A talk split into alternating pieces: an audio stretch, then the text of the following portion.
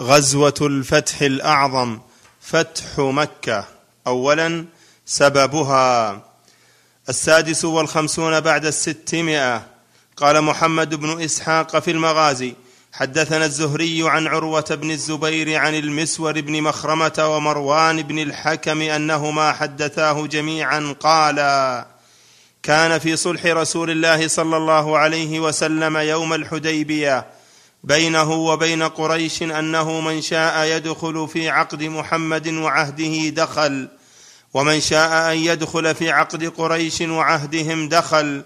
فتواثبت خزاعه فقالوا نحن ندخل في عقد محمد صلى الله عليه وسلم وعهده وتواثبت بنو بكر فقالوا نحن ندخل في عقد قريش وعهدهم فمكثوا في تلك الهدنه نحو السبعه والثمانيه عشر شهرا ثم ان بني بكر الذين كانوا دخلوا في عقد قريش وعهدهم وثبوا على خزاعه الذين دخلوا في عقد رسول الله صلى الله عليه وسلم وعهده ليلا بماء لهم يقال له الوتير قريب من مكه فقالت قريش ما يعلم بنا محمد وهذا الليل وما يرانا احدا فاعانوهم بالكراع والسلاح فقاتلوهم معه للطعن على رسول الله صلى الله عليه وسلم وان عمرو بن سالم ركب الى رسول الله صلى الله عليه وسلم عندما كان من امر خزاعه وبني بكر بالوتير حتى قدم المدينه على رسول الله صلى الله عليه وسلم يخبره الخبر وقد قال ابيات شعر فلما قدم على رسول الله صلى الله عليه وسلم انشده اياها يا رب اني ناشد محمدا حلف ابينا وابيه الاتلدا قد كنتم ولدا وكنا والدا ثمه اسلمنا فلم ننزع يدا فانصر رسول الله نصرا اعتدى وادعوا عباد الله ياتوا مددا فيهم رسول الله قد تجردا انسيم خسفا وجهه تربدا في فيلق كالبحر يجري مزبدا ان قريشا اخلفوك الموعدا ونقضوا ميثاقك المؤكدا وزعموا ان لست ادعو احدا فهم اذل واقل عددا قد جعلوا لي بكداء مرصدا هم بيتونا بالوتير هجدا وقتلونا ركعا وسجدا فقال رسول الله صلى الله عليه وسلم نصرت يا عمرو بن سالم فما برح رسول الله صلى الله عليه وسلم مرت عنانه في السماء فقال رسول الله صلى الله عليه وسلم ان هذه السحابه لتستهل بنصر بني كعب اخرجه ابن اسحاق في المغازي وسنده صحيح السابع والخمسون بعد الستمائه من حديث ابي هريره رضي الله عنه قال ان قائد خزاعه قال اللهم اني ناشد محمدا حلف ابينا وابيه الاتلدا انصر هداك الله نصرا اعتدى وادع عباد الله ياتوا مددا ثانيا وقتها كانت غزوه الفتح سنه ثمان للهجره والذي اتفق عليه اهل السير انه خرج صلى الله عليه وسلم في عاشر رمضان ودخل مكه لتسع عشره ليله خلت منه الثامن والخمسون بعد الستمائه من حديث ابن عباس رضي الله عنهما قال ان النبي صلى الله عليه وسلم خرج في رمضان من المدينه ومعه عشره الاف وذلك على راس ثمان سنين ونصف من مقدمه المدينه فسار هو ومن معه من المسلمين الى مكه يصوم ويصومون حتى بلغ الكديد وهو ماء بين عسفان وقديد افطر وافطروا اخرجه البخاري ومسلم ثالثا رساله حاطب بن ابي بلتعه الى اهل مكه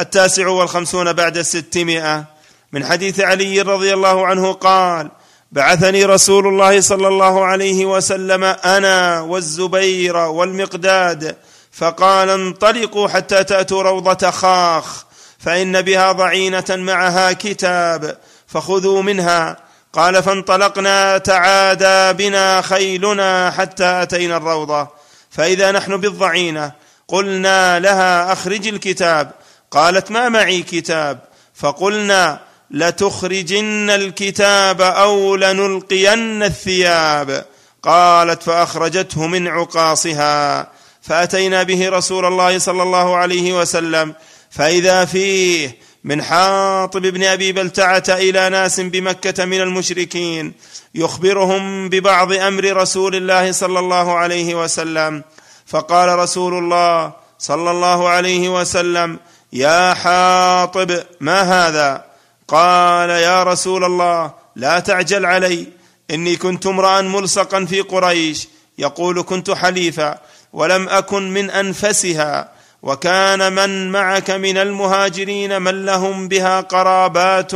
يحمون اهليهم واموالهم فاحببت اذ فاتني ذلك من النسب فيهم ان اتخذ عندهم يدا يحمون قرابتي ولم افعله ارتدادا عن ديني ولا رضا بالكفر بعد الاسلام فقال رسول الله صلى الله عليه وسلم اما انه قد صدقك فقال عمر يا رسول الله دعني اضرب عنق هذا المنافق فقال عليه الصلاه والسلام انه قد شهد بدرا وما يدريك لعل الله اطلع على من شهد بدرا قال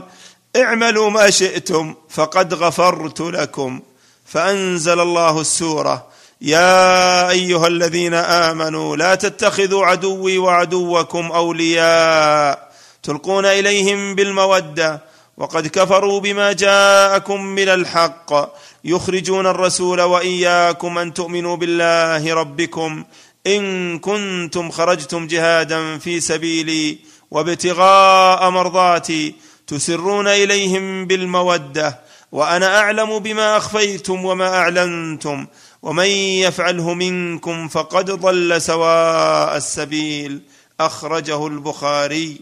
رابعا كتمان الرسول صلى الله عليه وسلم وجهته عن اصحابه الستون بعد الستمائه قال محمد بن اسحاق حدثني محمد بن جعفر عن عروه عن عائشه ان ابا بكر دخل على عائشه وهي تغربل حنطه فقال ما هذا امركم رسول الله صلى الله عليه وسلم بالجهاز قالت نعم فتجهز قال والى اين قالت ما سمى لنا شيئا غير انه قد امرنا بالجهاز اخرجه ابن اسحاق في المغازي خامسا تامير ابي رهم الغفاري على المدينه الحادي والستون بعد الستمائه عن ابن عباس رضي الله عنهما قال ثم مضى رسول الله صلى الله عليه وسلم لسفره واستخلف على المدينه ابا رهم كلثوم بن الحصين بن عتبه بن خلف الغفاري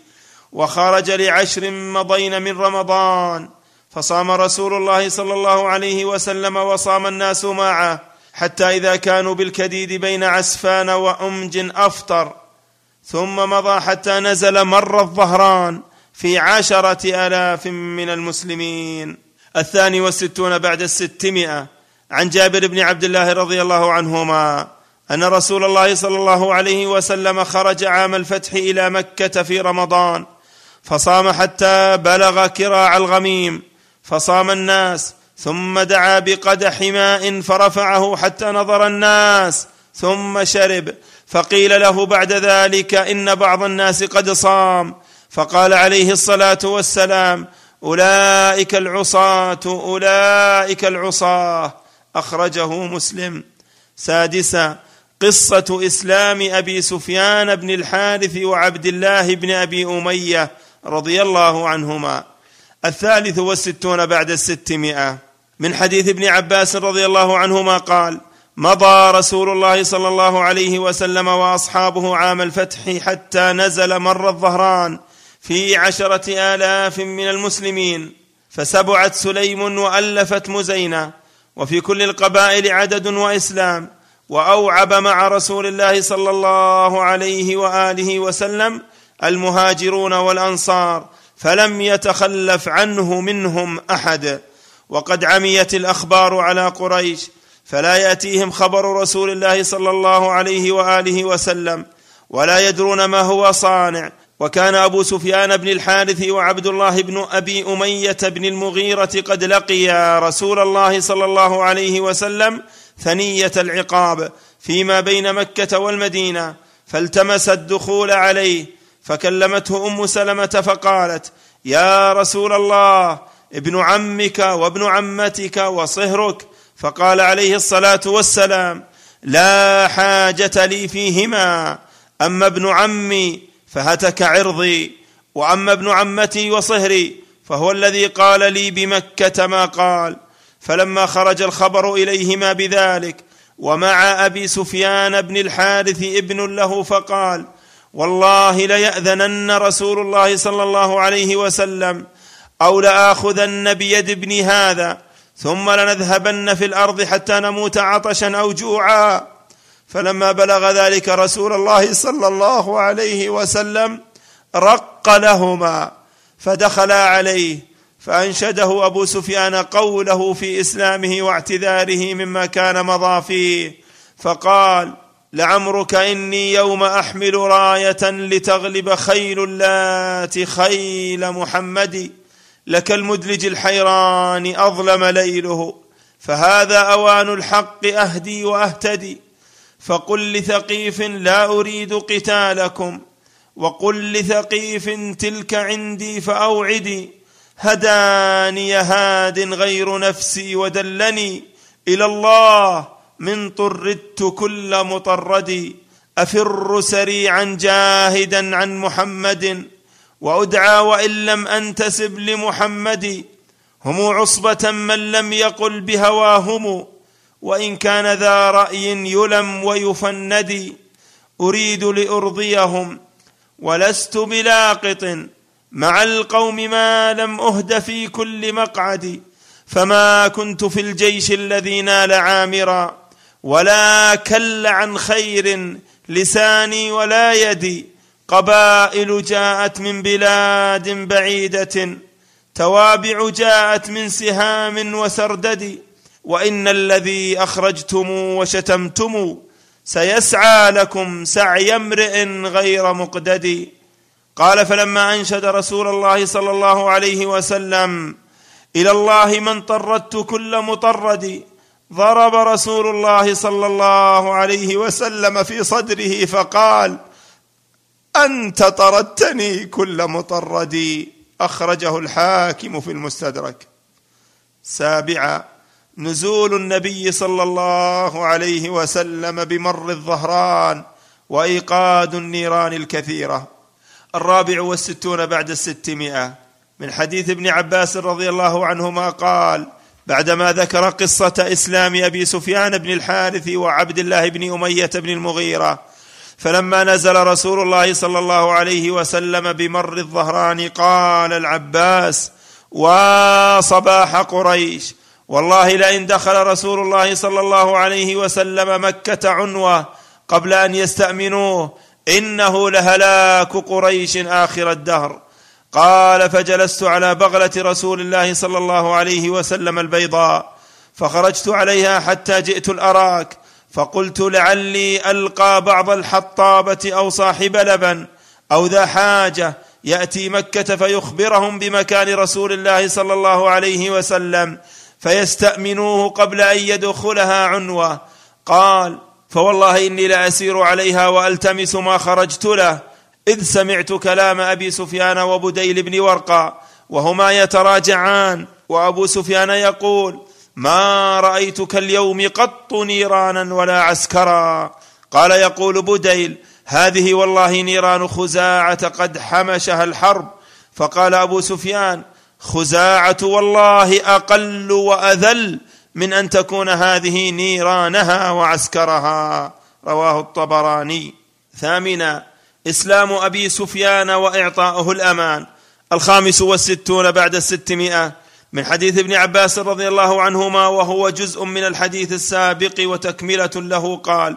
فقال أبو سفيان خزاعة والله أقل وأذل من أن تكون هذه نيرانها وعسكرها فقلت يا أبا حنظلة تعرف صوتي فقال أبو الفضل قلت نعم قال ما لك فداك أبي وأمي فقلت هذا والله رسول الله في الناس وصباح قريش قال فما الحيله فداك ابي وامي قال قلت والله لئن ظفر بك ليضربن عنقك فاركب عجز هذه البغله فركب ورجع صاحبا فخرجت به فكلما مررت بنار من نيران المسلمين فقالوا ما هذا فاذا راوا بغله رسول الله صلى الله عليه وسلم عليها عمه قالوا هذه بغله رسول الله صلى الله عليه وسلم عليها عمه حتى مررنا بنار عمر بن الخطاب فقال من هذا وقام الي فلما راه على عجز البغله عرفه فقال والله عدو الله الحمد لله الذي امكن منك فخرج يشتد نحو رسول الله صلى الله عليه وسلم ودخل ورفعت البغله فسبقته بقدر ما تسبق الدابه البطيئه الرجل البطيء فاقتحمت عن البغله فدخلت على رسول الله صلى الله عليه وسلم ودخل عمر فقال هذا عدو الله ابو سفيان قد امكن الله منه في غير عهد ولا عقد فدعني اضرب عنقه فقلت قد اجرته يا رسول الله ثم جلست الى رسول الله صلى الله عليه وسلم فاخذت براسه فقلت والله لا يناجيه الليله رجل دوني فلما اكثر عمر قلت مهلا يا عمر فوالله لو كان رجلا من بني عدي ما قلت هذا ولكنه من بني عبد مناف فقال مهلا يا عباس لا تقل هذا فوالله لاسلامك حين اسلمت كان احب الي من اسلام الخطاب ابي لو اسلم وذلك اني عرفت ان اسلامك احب الى رسول الله صلى الله عليه وسلم من اسلام الخطاب فقال رسول الله صلى الله عليه وسلم يا عباس اذهب به الى رحلك فاذا اصبحت فاتنا به فذهبت به الى الرحل فلما اصبحت غدوت به فلما راه رسول الله صلى الله عليه وسلم قال ويحك يا ابا سفيان الم يان لك ان تعلم ان لا اله الا الله فقال بابي وامي ما احلمك واكرمك واوصلك واعظم عفوك لقد كاد ان يقع في نفسي ان لو كان اله غيره لقد اغنى شيئا بعد فقال عليه الصلاه والسلام ويحك يا ابا سفيان الم يان يعني لك ان تعلم اني رسول الله فقال بابي وامي ما احلمك واكرمك واوصلك واعظم عفوك اما هذا فكان في النفس منها حتى الان شيء قال العباس فقلت ويلك اسلم واشهد ان لا اله الا الله وان محمدا رسول الله قبل ان يضرب عنقك فشهد ان لا اله الا الله وان محمدا رسول الله قال العباس فقلت يا رسول الله ان ابا سفيان يحب الفخر فاجعل له شيئا فقال عليه الصلاه والسلام نعم من دخل دار ابي سفيان فهو امن ومن اغلق بابه فهو امن فلما انصرف الى مكه ليخبرهم قال رسول الله صلى الله عليه وسلم احبسه بمضيق من الوادي عند حطم الخيل حتى تمر به جنود الله فحبسه العباس حيث امره رسول الله صلى الله عليه وسلم فمرت القبائل على ركابها فكلما مرت قبيله قال من هذا فاقول بنو سليم فيقول ما لي ولبني سليم ثم تمر اخرى فيقول ما هؤلاء فاقول مزينه فيقول ما لي ولمزينه فلم يزل يقول ذلك حتى مرت كتيبه رسول الله صلى الله عليه وسلم الخضراء فيها المهاجرون والانصار لا يرى منهم الا الحدق قال من هؤلاء فقلت هذا رسول الله صلى الله عليه وسلم في المهاجرين والانصار فقال ما لاحد بهؤلاء قبل والله لقد اصبح ملك ابن اخيك اليوم لعظيم فقلت ويحك يا ابا سفيان انها النبوه قال فنعم اذا فقلت النجاء الى قومك فخرج حتى اتاهم بمكه فجعل يصيح باعلى صوته يا معشر قريش هذا محمد قد اتاكم بما لا قبل لكم به فقامت امراته هند بنت عتبه واخذت بشاربه فقالت اقتلوه الحميث الدسم فبئس طليعه القوم فقال ابو سفيان لا يغرنكم هذه من انفسكم من دخل دار ابي سفيان فهو امن فقالوا ويحك ما تغني عنا دارك قال ومن اغلق بابه فهو امن ومن دخل المسجد فهو امن فتفرق الناس الى دورهم والى المسجد تاسعا لباس النبي صلى الله عليه وسلم اثناء دخوله مكه السادس والستون بعد الستمائه من حديث جابر بن عبد الله رضي الله عنهما ان رسول الله صلى الله عليه وسلم دخل يوم فتح مكه وعليه عمامه سوداء بغير احرام اخرجه مسلم السابع والستون بعد الستمائه من حديث انس بن مالك رضي الله عنه ان النبي صلى الله عليه وسلم دخل مكه يوم الفتح وعلى راسه المغفر فلما نزعه جاء رجل فقال ابن خطل متعلق باستار الكعبه فقال عليه الصلاه والسلام اقتله قال مالك ولم يكن النبي صلى الله عليه وسلم فيما نرى والله اعلم يومئذ محرما اخرجه البخاري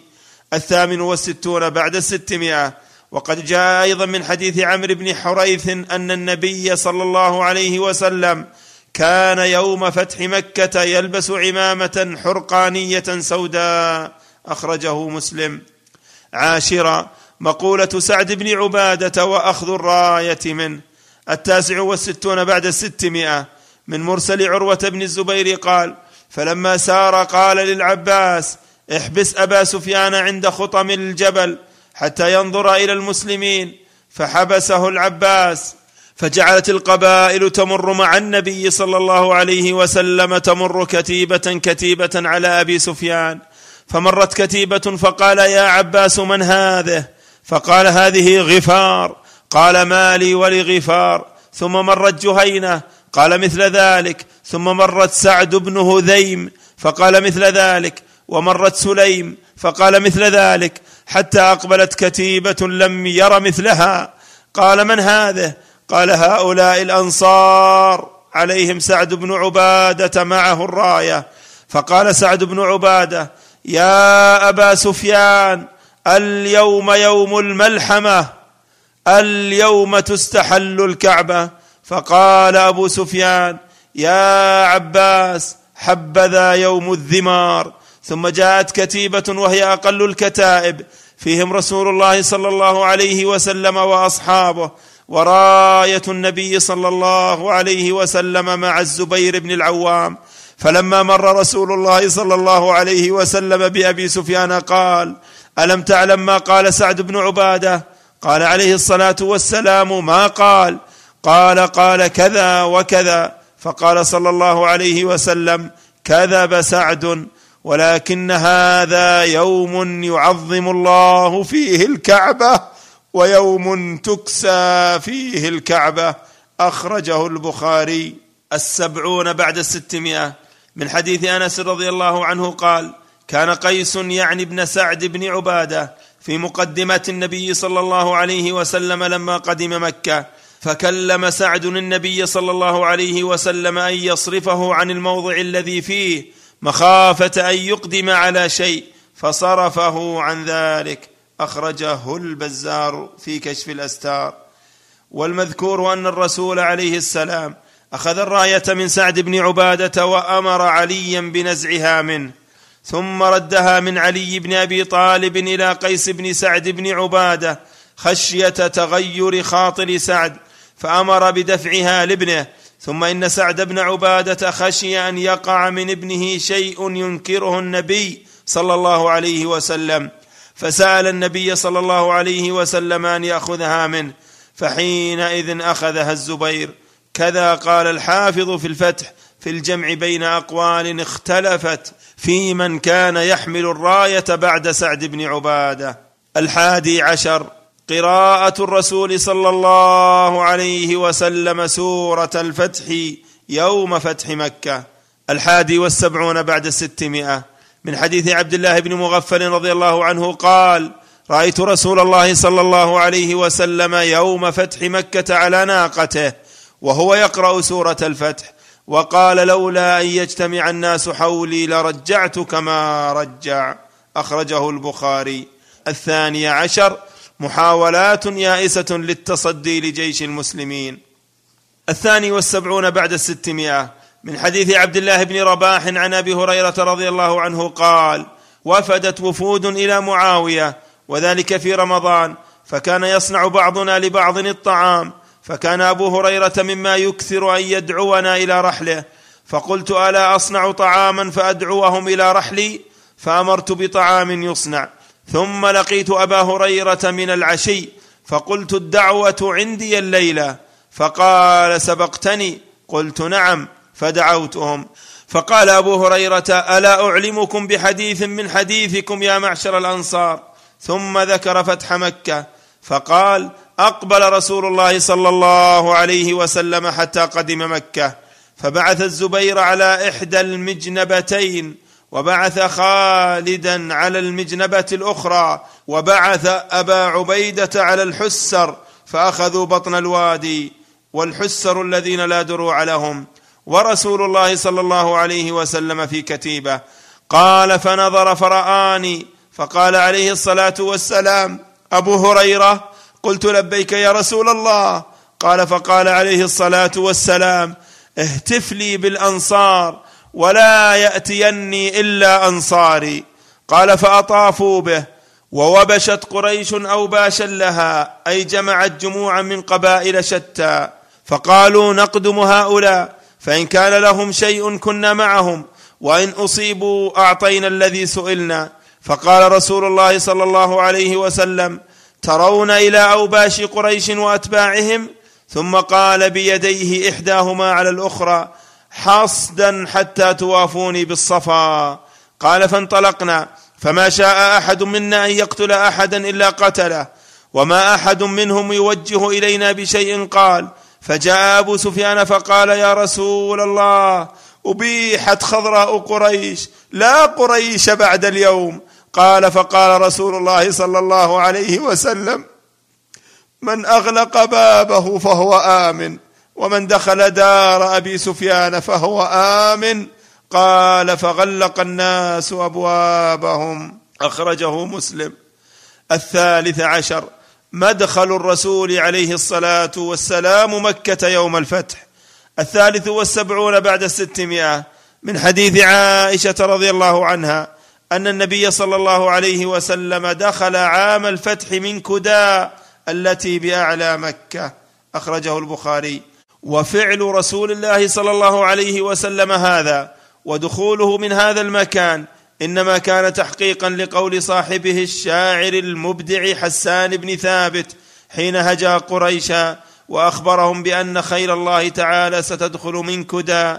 اذكر بعض الابيات التي قالها والتي ذكرها الامام مسلم في صحيحه من حديث عائشه رضي الله عنها قال حسان هجوت محمدا فاجبت عنه وعند الله في ذاك الجزاء هجوت محمدا برا تقيا رسول الله شيمته الوفاء فان ابي ووالده وعرضي لعرض محمد منكم وقاء ثكلت بنيتي إن لم تروها تثير النقع من كتفي كداء يبارين الأعنة مصعدات على أكتافها الأسر الظماء تظل جيادنا متمطرات تلطمهن بالخمر النساء فإن أعرضتم عنا اعتمرنا وكان الفتح وانكشف الغطاء أخرجه مسلم ومما يؤيد ما ذكرت ما جاء في حديث ابن عمر رضي الله عنهما قال لما دخل رسول الله صلى الله عليه وسلم عام الفتح راى الناس يلطمن وجوه الخيل بالخمر فتبسم الى ابي بكر فقال عليه الصلاه والسلام يا ابا بكر كيف قال حسان فانشده قوله عدمت بنيتي ان لم تروها تثير النقع موعدها كداء ينازعن الأسنة مسرجات يلطمهن بالخمر النساء فقال عليه الصلاة والسلام ادخلوها من حيث قال حسان أخرجه البيهقي بإسناد حسن الرابع عشر أين ركزت راية رسول الله صلى الله عليه وسلم يوم الفتح ركزت راية النبي صلى الله عليه وسلم يوم الفتح بالحجون كما جاء في مرسل عروه بن الزبير الذي رواه الامام البخاري في صحيحه الخامس عشر اهدار دم بعض المشركين يوم الفتح الرابع والسبعون بعد الستمائه من حديث انس رضي الله عنه ان رسول الله صلى الله عليه وسلم دخل مكه وعليه المغفر فلما وضعه عن راسه قيل هذا ابن خطل متعلق باستار الكعبه قال عليه الصلاه والسلام اقتلوه الخامس والسبعون بعد الستمائة من حديث أبي برزة الأسلمي رضي الله عنه قال رسول الله صلى الله عليه وسلم يوم فتح مكة الناس آمنون غير عبد العزى بن خطل أخرجه أحمد في المسند السادس والسبعون بعد الستمائة من حديث مصعب بن سعد عن ابن سعد بن أبي وقاص قال لما كان يوم فتح مكه امن رسول الله صلى الله عليه وسلم الناس الا اربعه نفر وامراتين وقال عليه الصلاه والسلام اقتلوهم وان وجدتموهم متعلقين باستار الكعبه عكرمه بن ابي جهل وعبد الله بن خطل ومقيس بن صبابه وعبد الله بن سعد بن ابي السرح فاما عبد الله بن خطل فادرك وهو متعلق باستار الكعبه فاستبق اليه سعيد بن حريث وعمار بن ياسر فسبق سعيد عمارا وكان اشب الرجلين فقتله واما مقياس بن صبابه فادركه الناس في السوق فقتلوه واما عكرمه فركب البحر فاصابتهم عاصف فقال اصحاب السفينه اخلصوا فان الهتكم لا تغني عنكم شيئا ها هنا فقال عكرمه والله لئن لم ينجني من البحر الا الاخلاص لا ينجيني في البر غيره اللهم ان لك علي عهدا ان انت عافيتني مما انا فيه ان اتي محمدا صلى الله عليه وسلم حتى اضع يدي في يده فلا اجدنه عفوا كريما فجاء فاسلم واما عبد الله بن سعد بن ابي السرح فانه اختبا عند عثمان بن عفان فلما دعا رسول الله صلى الله عليه وسلم الى البيعه جاء به حتى اوقفه على النبي صلى الله عليه وسلم قال يا رسول الله بايع عبد الله قال فرفع راسه فنظر اليه ثلاثا كل ذلك يابى فبايعه بعد ثلاث ثم اقبل على اصحابه فقال عليه الصلاه والسلام اما كان فيكم رجل رشيد يقوم الى هذا حيث راني كففت يدي عن بيعته فيقتله فقالوا وما يدرينا يا رسول الله ما في نفسك هلا هل اومات الينا بعينك قال عليه الصلاه والسلام انه لا ينبغي لنبي ان يكون له خائنه اعين اخرجه النسائي السابع والسبعون بعد الستمائه من حديث ام هانئ رضي الله عنها قالت ذهبت الى رسول الله صلى الله عليه وسلم عام الفتح فوجدته يغتسل وفاطمه ابنته تستره قالت فسلمت عليه فقال عليه الصلاه والسلام من هذا فقلت انا ام هانئ بنت ابي طالب فقال عليه الصلاه والسلام مرحبا بام هانئ فلما فرغ من غسله قام فصلى ثماني ركعات ملتحفا في ثوب واحد فلما انصرف قلت يا رسول الله زعم ابن امي علي انه قاتل رجلا قد اجرته فلان بن هبيره فقال رسول الله صلى الله عليه وسلم قد اجرنا من اجرت يا ام هانئ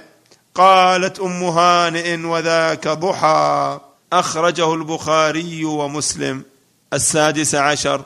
اذن الله لرسوله صلى الله عليه وسلم بالقتال في مكه ساعه من نهار الثامن والسبعون بعد الستمائه عن ابي شريح العدوي انه قال لعمرو بن سعيد وهو يبعث البعوث الى مكه ائذن لي ايها الامير احدثك قولا قال به رسول الله صلى الله عليه وسلم الغد من يوم الفتح سمعته اذناي ووعاه قلبي وابصرته عيناي حين تكلم به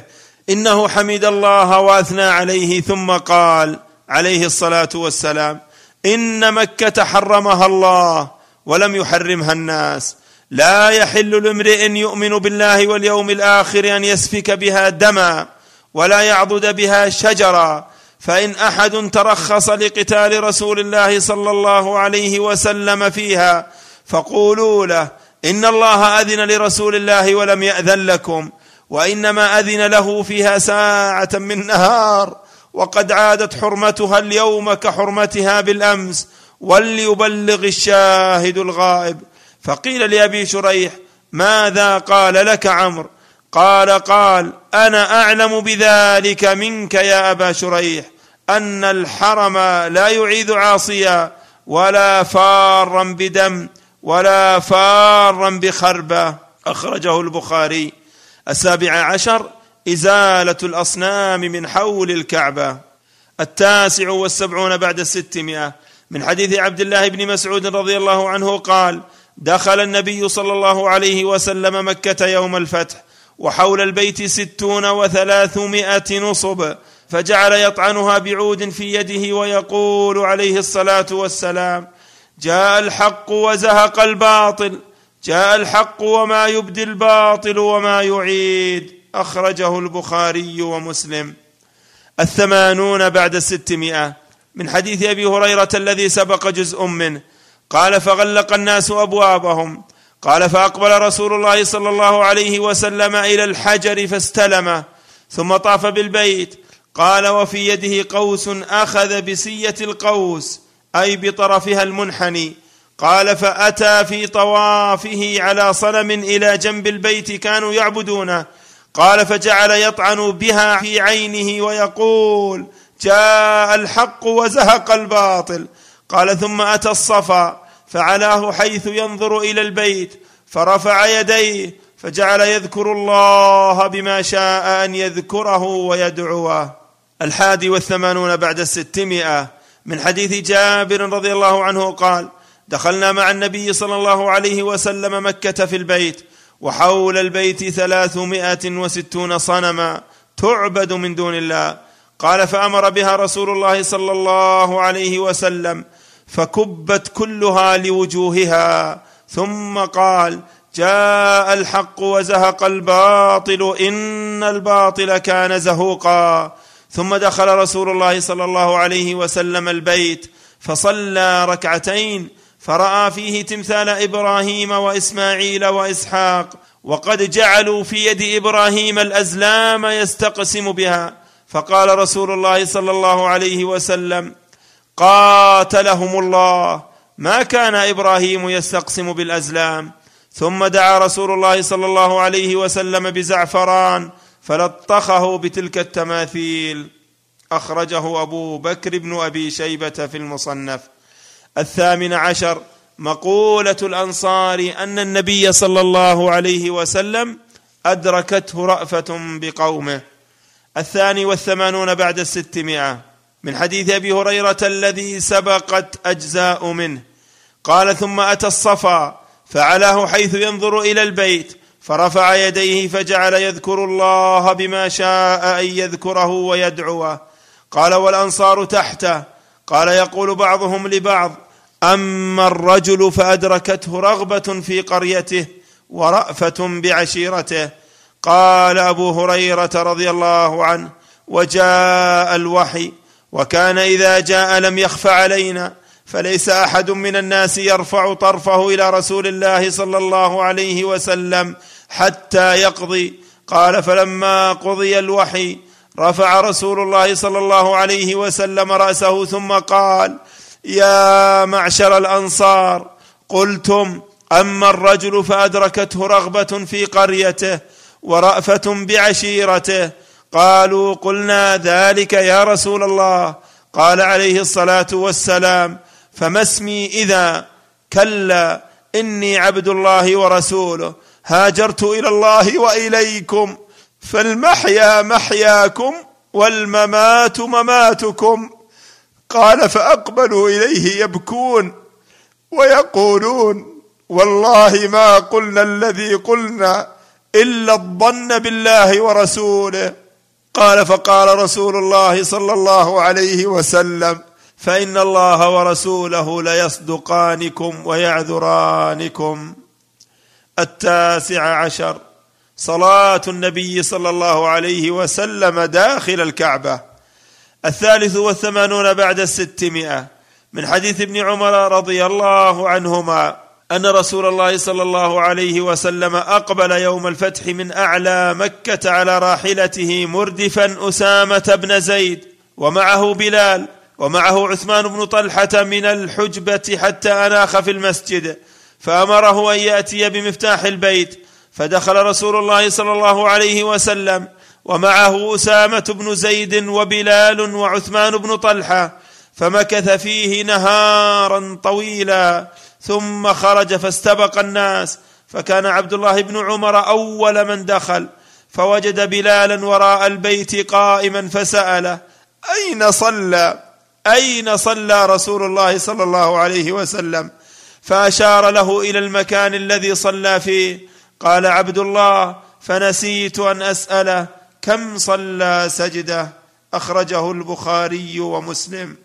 وقد جاء من حديث ابن عباس المروي في صحيح البخاري ومسلم وعند احمد ان النبي صلى الله عليه وسلم لم يصلي في داخل الكعبه والصحيح والله اعلم ان المثبت مقدم على النافي والذين دخلوا مع النبي صلى الله عليه وسلم هم الذين رووا انه صلى داخلها وهم اعلم بذلك ممن لم يدخل معه وهو ابن عباس وقال الامام النووي رحمه الله اجمع اهل الحديث على الاخذ بروايه بلال لانه مثبت فمعه زياده علم فواجب ترجيحه جاء ذلك في الفتح الرباني في الجزء الحادي والعشرين في الصفحة السادسة والخمسين ومائة وأما القول أن ابن عباس روى عدم الصلاة في الكعبة عن أخيه الفضل وهو ممن دخل مع النبي صلى الله عليه وسلم فلعل الفضل قد اشتغل بالدعاء ولذلك لم ير النبي صلى الله عليه وسلم والله اعلم العشرون اسلام والد ابي بكر الصديق رضي الله عنهما الرابع والثمانون بعد الستمائه من حديث اسماء بنت ابي بكر رضي الله عنهما قالت لما وقف رسول الله صلى الله عليه وسلم بذي طوى قال ابو قحافه لابنه له من اصغر ولده اي بنيه اظهري بي على ابي قبيس قالت وقد كف بصره قالت فاشرفت به عليه قال يا بنيه ماذا ترين قالت ارى سوادا مجتمعا قال تلك الخيل قالت وارى رجلا يسعى بين ذلك السواد مقبلا ومدبرا قال يا بني ذلك الوازع يعني الذي يامر الخيل ويتقدم اليها ثم قالت قد والله انتشر السواد فقال قد والله اذا اندفعت الخيل فاسرعي بي الى بيتي فاغطت به وتلقاه الخيل قبل ان يصل الى بيته وفي عنق الجاريه طوق لها من ورق فتلقاها رجل فاقتطعه من عنقها قالت فلما دخل رسول الله صلى الله عليه وسلم مكه ودخل المسجد اتاه ابو بكر رضي الله عنه بابيه يقوده فلما راه رسول الله صلى الله عليه وسلم قال عليه الصلاه والسلام هلا هل تركت الشيخ في بيته حتى اكون انا اتيه فيه قال ابو بكر يا رسول الله هو احق ان يمشي اليك من ان تمشي انت اليه قال فاجلسه بين يديه ثم مسح صدره ثم قال له عليه الصلاه والسلام اسلم فاسلم ودخل به ابو بكر رضي الله عنه على رسول الله صلى الله عليه وسلم وراسه كانه ثغامه اي نبت ابيض الزهر فقال رسول الله صلى الله عليه وسلم غيروا هذا من شعره ثم قام ابو بكر فاخذ بيد اخته فقال انشد بالله وبالاسلام طوق اختي فلم يجبه احد فقال يا اخي احتسبي طوقك اخرجه ابن حبان في الموارد وابن اسحاق في المغازي بسند صحيح رجاله ثقات الحادي والعشرون قصة الرجل الذي قتلته خزاعة الخامس والثمانون بعد الستمائة من حديث أبي شريح الخزاعي رضي الله عنه قال أذن لنا رسول الله صلى الله عليه وسلم يوم الفتح في قتال بني بكر حتى أصبنا منهم ثأرنا وهو بمكة ثم أمر رسول الله صلى الله عليه وسلم برفع السيف فلقي رهط منا الغد رجلا من هذيل في الحرم يؤم رسول الله صلى الله عليه وسلم ليسلم وكان قد وترهم في الجاهليه وكانوا يطلبونه فقتلوه وبادروا ان يخلص الى رسول الله صلى الله عليه وسلم فيامر اي فيامر بعدم قتله فلما بلغ ذلك رسول الله صلى الله عليه وسلم غضب غضبا شديدا والله ما رايته غضب غضبا اشد منه فسعينا الى ابي بكر وعلي رضي الله عنهما نستشفعهما وخشينا ان نكون قد هلكنا فلما صلى رسول الله صلى الله عليه وسلم الصلاه قام فاثنى على الله عز وجل بما هو اهله ثم قال عليه الصلاه والسلام اما بعد فان الله عز وجل هو حرم مكه ولم يحرمها الناس وانما احلها لي ساعه من النهار امس وهي اليوم حرام كما حرمها الله عز وجل اول مره وان اعتى الناس على الله عز وجل ثلاثه رجل قتل فيها ورجل قتل غير قاتله ورجل طلب بذحل في الجاهليه واني والله لادين هذا الرجل الذي قتلتم فوداه رسول الله صلى الله عليه وسلم الثاني والعشرون مبايعته صلى الله عليه وسلم للناس يوم الفتح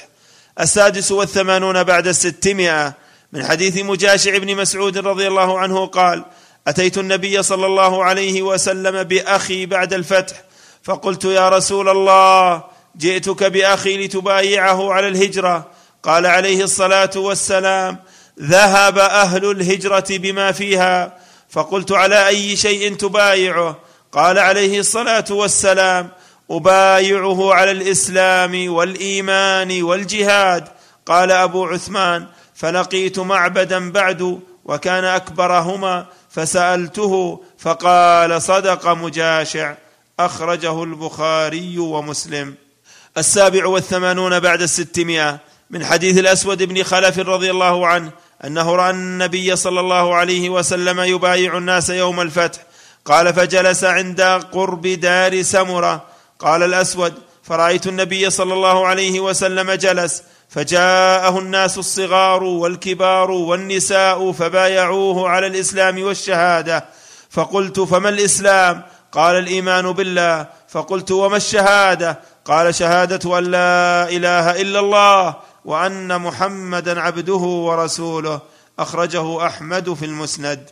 الثامن والثمانون بعد الستمائه من حديث عائشه بنت قدامه رضي الله عنها قالت انا مع امي رائطه بنت سفيان الخزاعيه والنبي صلى الله عليه وسلم يبايع النسوه ويقول عليه الصلاه والسلام ابايعكن على ان لا تشركن بالله شيئا ولا تسرقن ولا تزنين ولا تقتلن اولادكن ولا تاتين ببهتان تفترينه بين ايديكن وارجلكن ولا تعصين في معروف قالت فاطرقن فقال لهن النبي صلى الله عليه وسلم قلن نعم فيما استطعتن فكن يقلن واقول معهن وامي تلقنني قولي اي بنيه فيما استطعت أخرجه أحمد وسنده حسن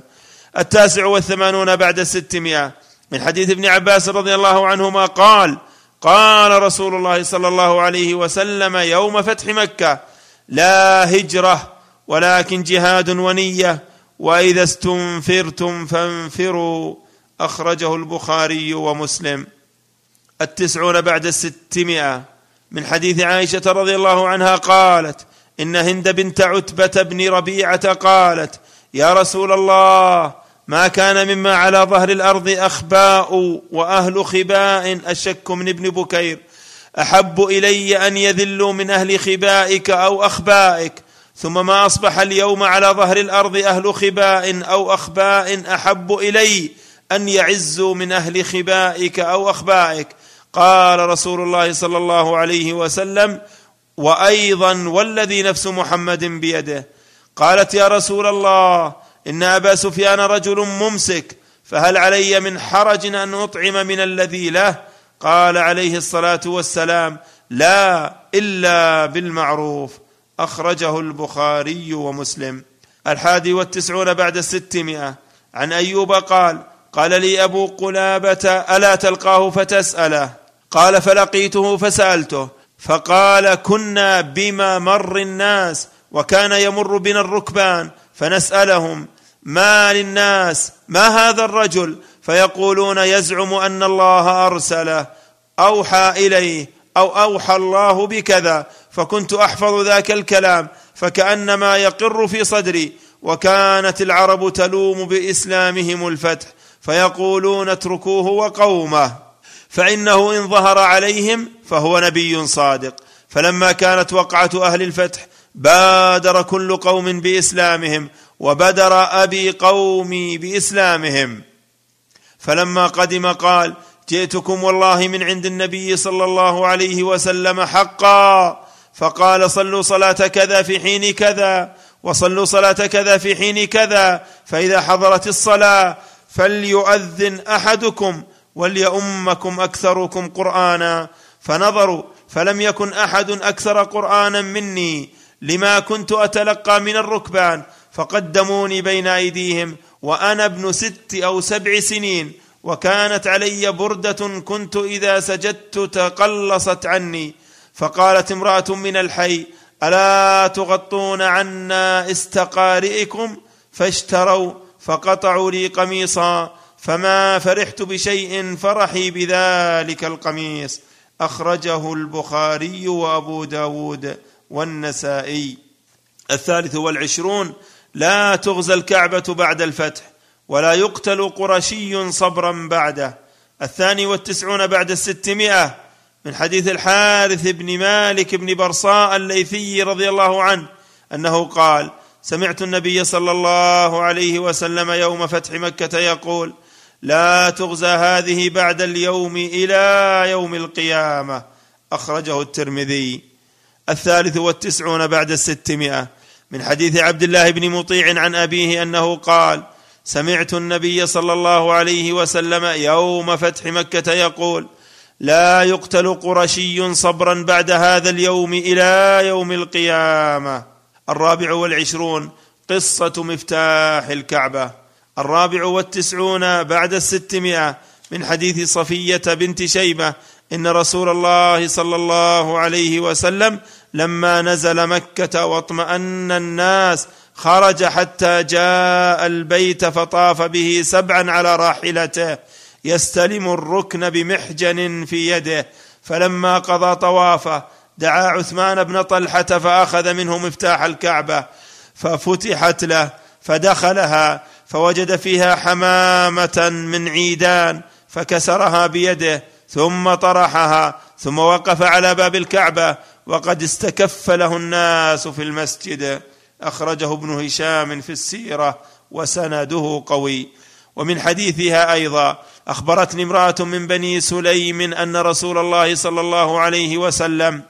لما خرج من الكعبه امر عثمان بن طلحه ان يغيب قرني الكبش يعني كبش الذبيح وقال عليه الصلاه والسلام لا ينبغي للمصلي ان يصلي وبين يديه شيء يشغله اخرجه احمد وابو داود الخامس والعشرون قصه المراه المخزوميه التي سرقت الخامس والتسعون بعد الستمائه من حديث عائشه رضي الله عنها ان قريشا اهمهم شان المراه المخزوميه التي سرقت فقالوا من يكلم فيها رسول الله صلى الله عليه وسلم فقالوا ومن يجترئ عليه الا اسامه حب رسول الله صلى الله عليه وسلم فكلمه اسامه فقال رسول الله صلى الله عليه وسلم اتشفع في حد من حدود الله ثم قام فاختطب فقال ايها الناس انما اهلك الذين من قبلكم انهم كانوا اذا سرق فيهم الشريف تركوه واذا سرق فيهم الضعيف اقاموا عليه الحد وايم الله لو ان فاطمه بنت محمد سرقت لقطعت يدها اخرجه البخاري السادس والعشرون خطبته عليه الصلاه والسلام يوم الفتح السادس والتسعون بعد الستمائه من حديث ابي شريح الخزاعي الذي سبق تخريجه وساذكر الجزء الذي فيه الخطبه فقط قال رسول الله صلى الله عليه وسلم ان مكه حرمها الله ولم يحرمها الناس فلا تحل لامرئ يؤمن بالله واليوم الاخر ان يسفك بها دما ولا يعضد بها شجره فان احد ترخص بقتال رسول الله فيها فقولوا له ان الله قد اذن لرسوله ولم ياذن لكم وانما اذن لي فيها ساعه من نهار وقد عادت حرمتها اليوم كحرمتها بالامس وليبلغ الشاهد الغائب وانظر لفظا آخر للحديث برقم خمسة وثمانين وستمائة بشيء من الزيادة السابع والتسعون بعد الستمائة ومن حديث أبي هريرة رضي الله عنه قال لما فتح الله عز وجل على رسول الله صلى الله عليه وسلم مكة قام في الناس فحمد الله وأثنى عليه ثم قال ان الله حبس عن مكه الفيل وسلط عليها رسوله والمؤمنين وانها لم تحل لاحد كان قبلي وانها لن تحل لاحد بعدي فلا ينفر صيدها ولا يختلى شوكها ولا تحل ساقطتها الا لمنشده ومن قتل له قتيل فهو بخير النظرين اما ان يفدى واما ان يقتل فقال العباس الا الاذخر يا رسول الله فانا نجعله في قبورنا وبيوتنا فقال رسول الله صلى الله عليه وسلم الا الاذخر فقام ابو شاه رجل من اهل اليمن فقال اكتبوا لي يا رسول الله فقال رسول الله صلى الله عليه وسلم اكتبوا لابي شاه قال فقلت للاوزاعي ما قوله اكتبوا لي يا رسول الله قال هذه الخطبه التي سمعها من رسول الله صلى الله عليه وسلم لفظ مسلم واخرجه البخاري الثامن والتسعون بعد الستمائه ومن حديث ابن عباس رضي الله عنهما قال قال رسول الله صلى الله عليه وسلم يوم الفتح فتح مكه لا هجره ولكن جهاد ونيه واذا استنفرتم فانفروا وقال يوم الفتح فتح مكه ان هذا البلد حرمه الله منذ خلق السماوات والارض فهو حرام بحرمه الله تعالى الى يوم القيامه وانه لم يحل القتال فيه لاحد قبلي ولم يحل لي الا ساعه من نهار فهو حرام بحرمه الله الى يوم القيامه لا يعبد شوكه ولا ينفر صيده ولا يلتقط الا من عرفها ولا يختلى خلاها فقال العباس يا رسول الله الا الاذخر فانه لقينهم ولبيوتهم فقال عليه الصلاه والسلام الا الاذخر لفظ مسلم التاسع والتسعون بعد الستمائه ومن حديث عبد الله بن عمرو بن العاص رضي الله عنهما ان رسول الله صلى الله عليه وسلم خاطب يوم الفتح بمكه فكبر ثلاثا ثم قال لا اله الا الله وحده صدق وعده ونصر عبده وهزم الاحزاب وحده الا ان كل ماثره كانت في الجاهليه تذكر وتدعى من دم او مال تحت قدمي الا ما كان من سقايه الحاج وسدانه البيت ثم قال الا ان ديه الخطا شبه العمد ما كان بالسوط والعصا مئه من الابل منها أربعون في بطنها أولادها أخرجه أبو داود وابن ماجة السبعمائة ومن حديثه أيضا قال لما فتحت مكة على رسول الله صلى الله عليه وسلم قال كفوا السلاح إلا خزاعة عن بني بكر فأذن لهم حتى صلى العصر ثم قال كفوا السلاح فلقي رجل من خزاعة رجلا من بني بكر من غد بالمزدلفة فقتله فبلغ ذلك رسول الله صلى الله عليه وسلم فقام خطيبا فقال ورايته مسند ظهره الى الكعبه قال ان اعدى الناس على الله من قتل في الحرم او قتل غير قاتله او قتل بذحول وذحول الجاهليه هي العداوه وطلب الثار فقام رجل فقال ان فلانا ابني وفي روايه عاهرت بامه في الجاهليه فقال رسول الله صلى الله عليه وسلم لا دعوه في الاسلام ذهب امر الجاهليه الولد للفراش وللعاهر الاثلب قالوا وما الاثلب قال عليه الصلاه والسلام الحجر قال وفي الاصابع عشر عشر وفي المواضح خمس خمس قال وقال عليه الصلاه والسلام لا صلاه بعد الغداه حتى تطلع الشمس ولا صلاه بعد العصر حتى تغرب الشمس قال عليه الصلاه والسلام ولا تنكح المراه على عمتها ولا على خالتها ولا يجوز لامراه عطيه الا باذن زوجها رواه الطبراني الاول بعد السبعمائه ومن حديث جابر بن عبد الله رضي الله عنه قال سمعت رسول الله صلى الله عليه وسلم يقول عام الفتح وهو بمكه ان الله ورسوله حرم بيع الخمر والميته والخنزير والاصنام فقيل يا رسول الله ارايت شحوم الميته فانه يطلى بها السفن ويدهن بها الجلود ويستصبح بها الناس فقال عليه الصلاه والسلام لا هو حرام ثم قال رسول الله صلى الله عليه وسلم عند ذلك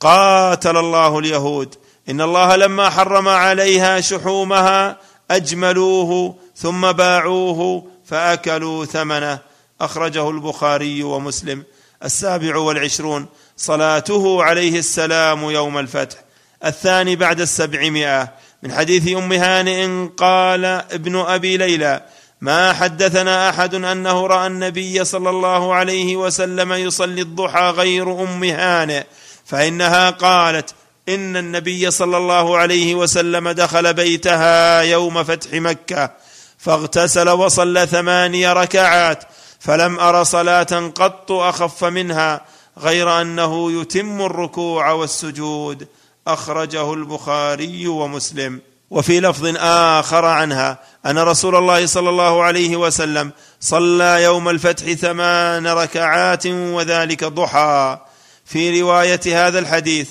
ان النبي صلى الله عليه وسلم دخل بيت ام هانئ واغتسل عندها وصلى الضحى وفي روايه الحديث الذي اخرجه مالك في الموطا ومسلم في الصحيح وقد سبق ذكره في اجاره ام هانئ لرجل اهدر دمه انها ذهبت الى النبي صلى الله عليه وسلم فوجدته يغتسل وفاطمه تستره وقد جمع بين هاتين الروايتين بان الحادثه تكررت منه صلى الله عليه وسلم والمحتمل انه نزل ببيتها في اعلى مكه وكانت هي في بيت اخر بمكه فجاءت اليه فوجدته يغتسل فيصح القولان جاء ذلك في فتح الباري وقد حكى القاضي عياض عن قوم انه ليس في حديث ام هانئ دلاله على انه صلى الضحى قالوا وانما هي سنه الفتح وقد صلاها خالد بن الوليد في بعض فتوحه كذلك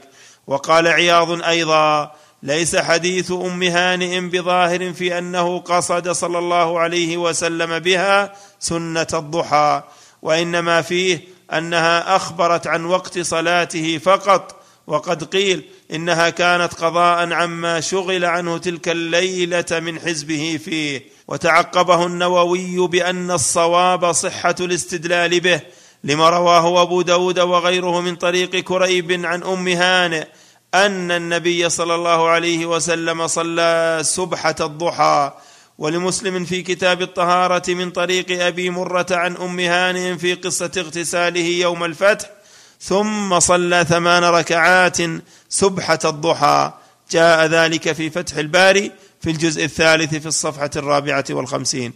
قلت وسواء كانت هذه الصلاة التي صلاها عليه السلام هي صلاة الفتح أو سنة الضحى فالمهم أنه صلى الله عليه وسلم صلاها فإن صلاها المرء كسنة للضحى فهو على خير وإن صلاها عند الفتح فهو على خير والصحيح الذي ارجحه ان سنه الضحى ثابته لكثره الاحاديث الوارده في الحث عليها وان كان البعض من السلف يرى انها غير ثابته كما جاء عن ابن عمر رضي الله عنهما عند البخاري قال مورق لابن عمر رضي الله عنهما اتصلي الضحى قال لا قلت فعمر قال لا قلت فابو بكر قال لا قلت فالنبي صلى الله عليه وسلم قال لا إخاله رواه البخاري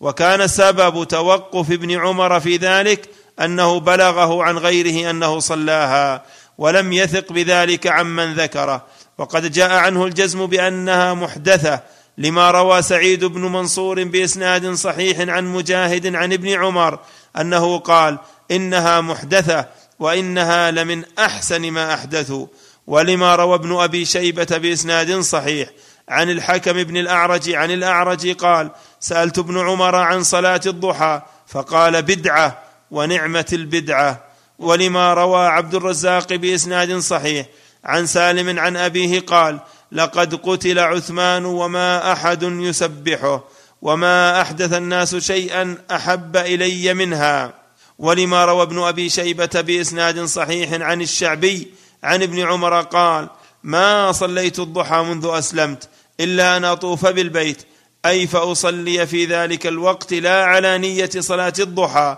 بل على نيه الطواف وفي الجمله ليس في احاديث ابن عمر هذه ما يدفع مشروعيه صلاه الضحى لان نفيه محمول على عدم رؤيته لا على عدم الوقوع في نفس الامر قال عياض وغيره انما انكر ابن عمر ملازمتها واظهارها في المساجد وصلاتها جماعه لا انها مخالفه للسنه ويؤيده ما رواه ابن ابي شيبه عن ابن مسعود انه راى قوما يصلونها فانكر عليهم وقال ان كان ولا بد ففي بيوتكم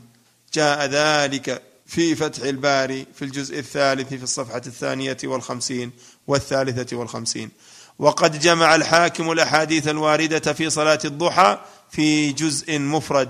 وذكر لغالب هذه الاقوال مستندا وبلغ عده رواه الحديث في اثباتها نحو العشرين نفسا من الصحابه جاء ذلك في فتح الباري في الجزء الثالث في الصفحه الخامسه والخمسين الثامن والعشرون سريه خالد الى بني جذيمه الثالث بعد السبعمائه من حديث عبد الله بن عمر رضي الله عنهما قال بعث النبي صلى الله عليه وسلم خالد بن الوليد الى بني جذيمه فدعاهم الى الاسلام فلم يحسنوا ان يقولوا اسلمنا فجعلوا يقولون صبأنا صبأنا فجعل خالد يقتل منهم ويأسر ودافع الى كل رجل منا اسيره حتى اذا كان يوم امر خالد ان يقتل كل رجل منا اسيره فقلت والله لا اقتل اسيري ولا يقتل رجل من اصحابي اسيره حتى قدمنا على النبي صلى الله عليه وسلم فذكرناه فرفع النبي صلى الله عليه وسلم يديه فقال اللهم اني ابرا اليك مما صنع خالد اللهم اني ابرا اليك مما صنع خالد مرتين اخرجه البخاري والنسائي واحمد في المسند الرابع بعد السبعمائة ومن حديث ابن عباس رضي الله عنهما أن النبي صلى الله عليه وسلم بعث سرية قال فغنموا وفيهم رجل فقال لهم إني لست منهم إني عشقت فلحقتها فدعوني أنظر إليها نظرة ثم اصنعوا بي ما بدا لكم فإذا امرأة أدماء طويلة فقال لها أسلمي حبيش قبل نفاذ العيش ثم قال ارايتك اذ طالبتكم فوجدتكم بحليه او الفيتكم بالخوائق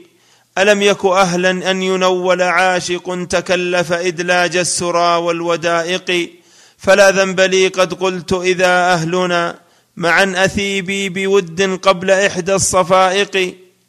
اثيبي بود قبل ان تشحط النوى وينأى الامير بالحبيب المفارق ثم قال قالت نعم فديتك قال فقدموه فضربوا عنقه فجاءت المراه فوقعت عليه فشهقت شهقه او شهقتين ثم ماتت فلما قدموا على رسول الله صلى الله عليه وسلم اخبروه الخبر فقال رسول الله صلى الله عليه وسلم اما كان فيكم رجل رحيم اخرجه النسائي في الكبرى التاسع والعشرون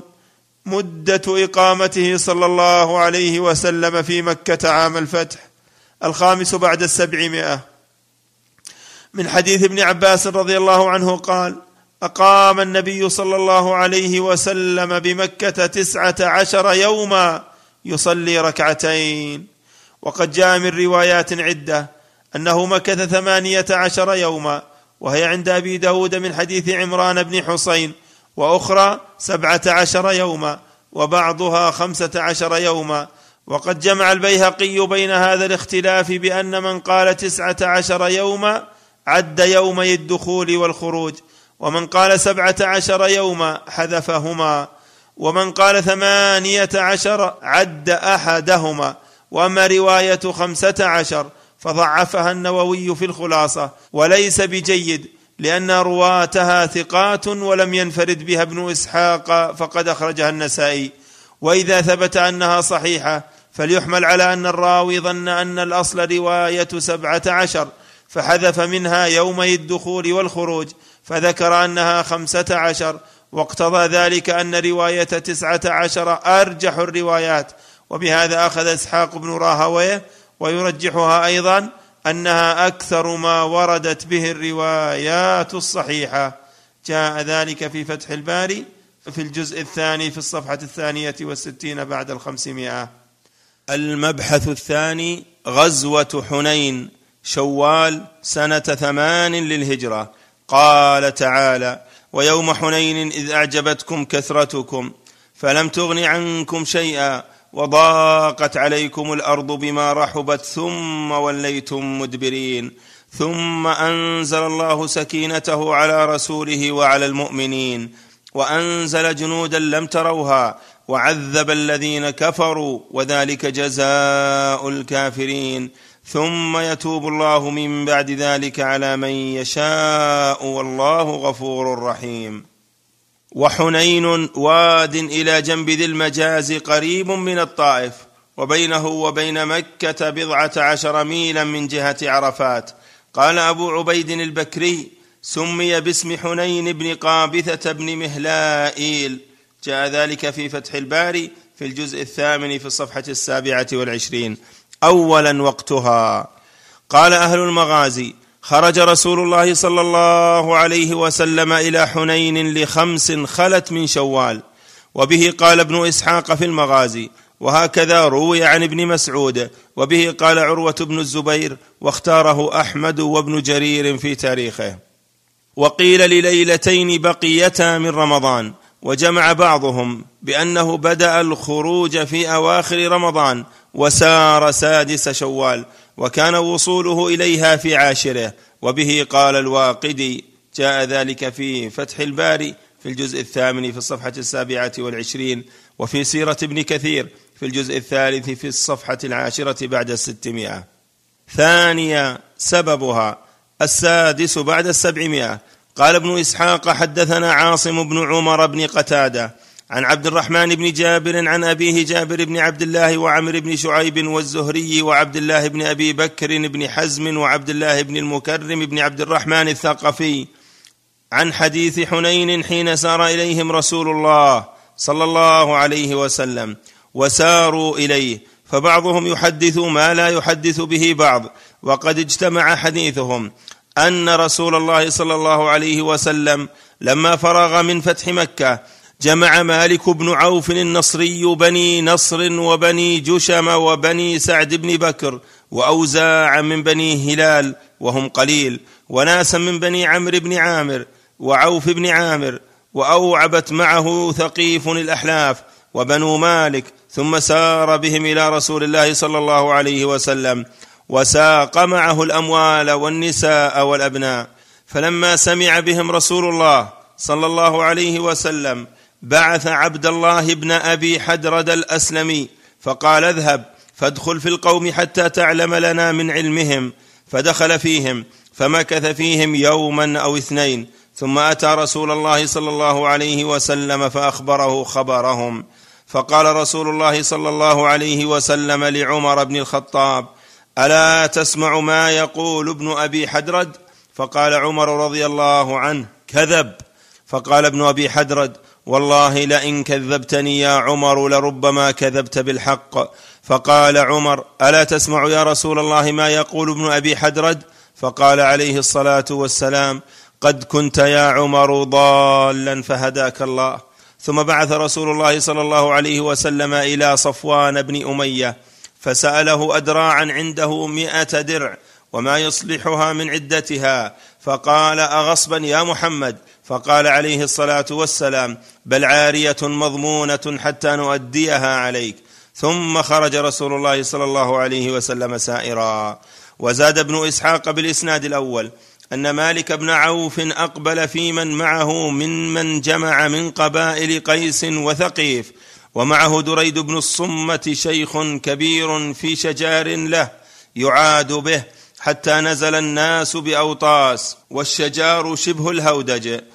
حتى نزل الناس باوطاس فقال دريد حين نزلوا باوطاس فسمع رغاء البعير ونهيق الحمير ويعار الشاء وبكاء الصغير باي واد انتم فقالوا باوطاس قال نعم اعاده قال نعم مجال الخيل لا حزن ضرس ولا سهل دهس ما لي اسمع رغاء البعير ونهيق الحمار ويعار الشاء فقالوا ساق مالك مع الناس اموالهم وذراريهم ونساءهم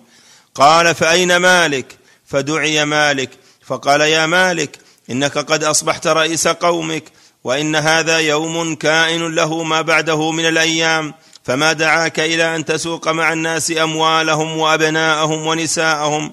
قال اردت ان اجعل خلف كل رجل اهله وامواله ليقاتل عنهم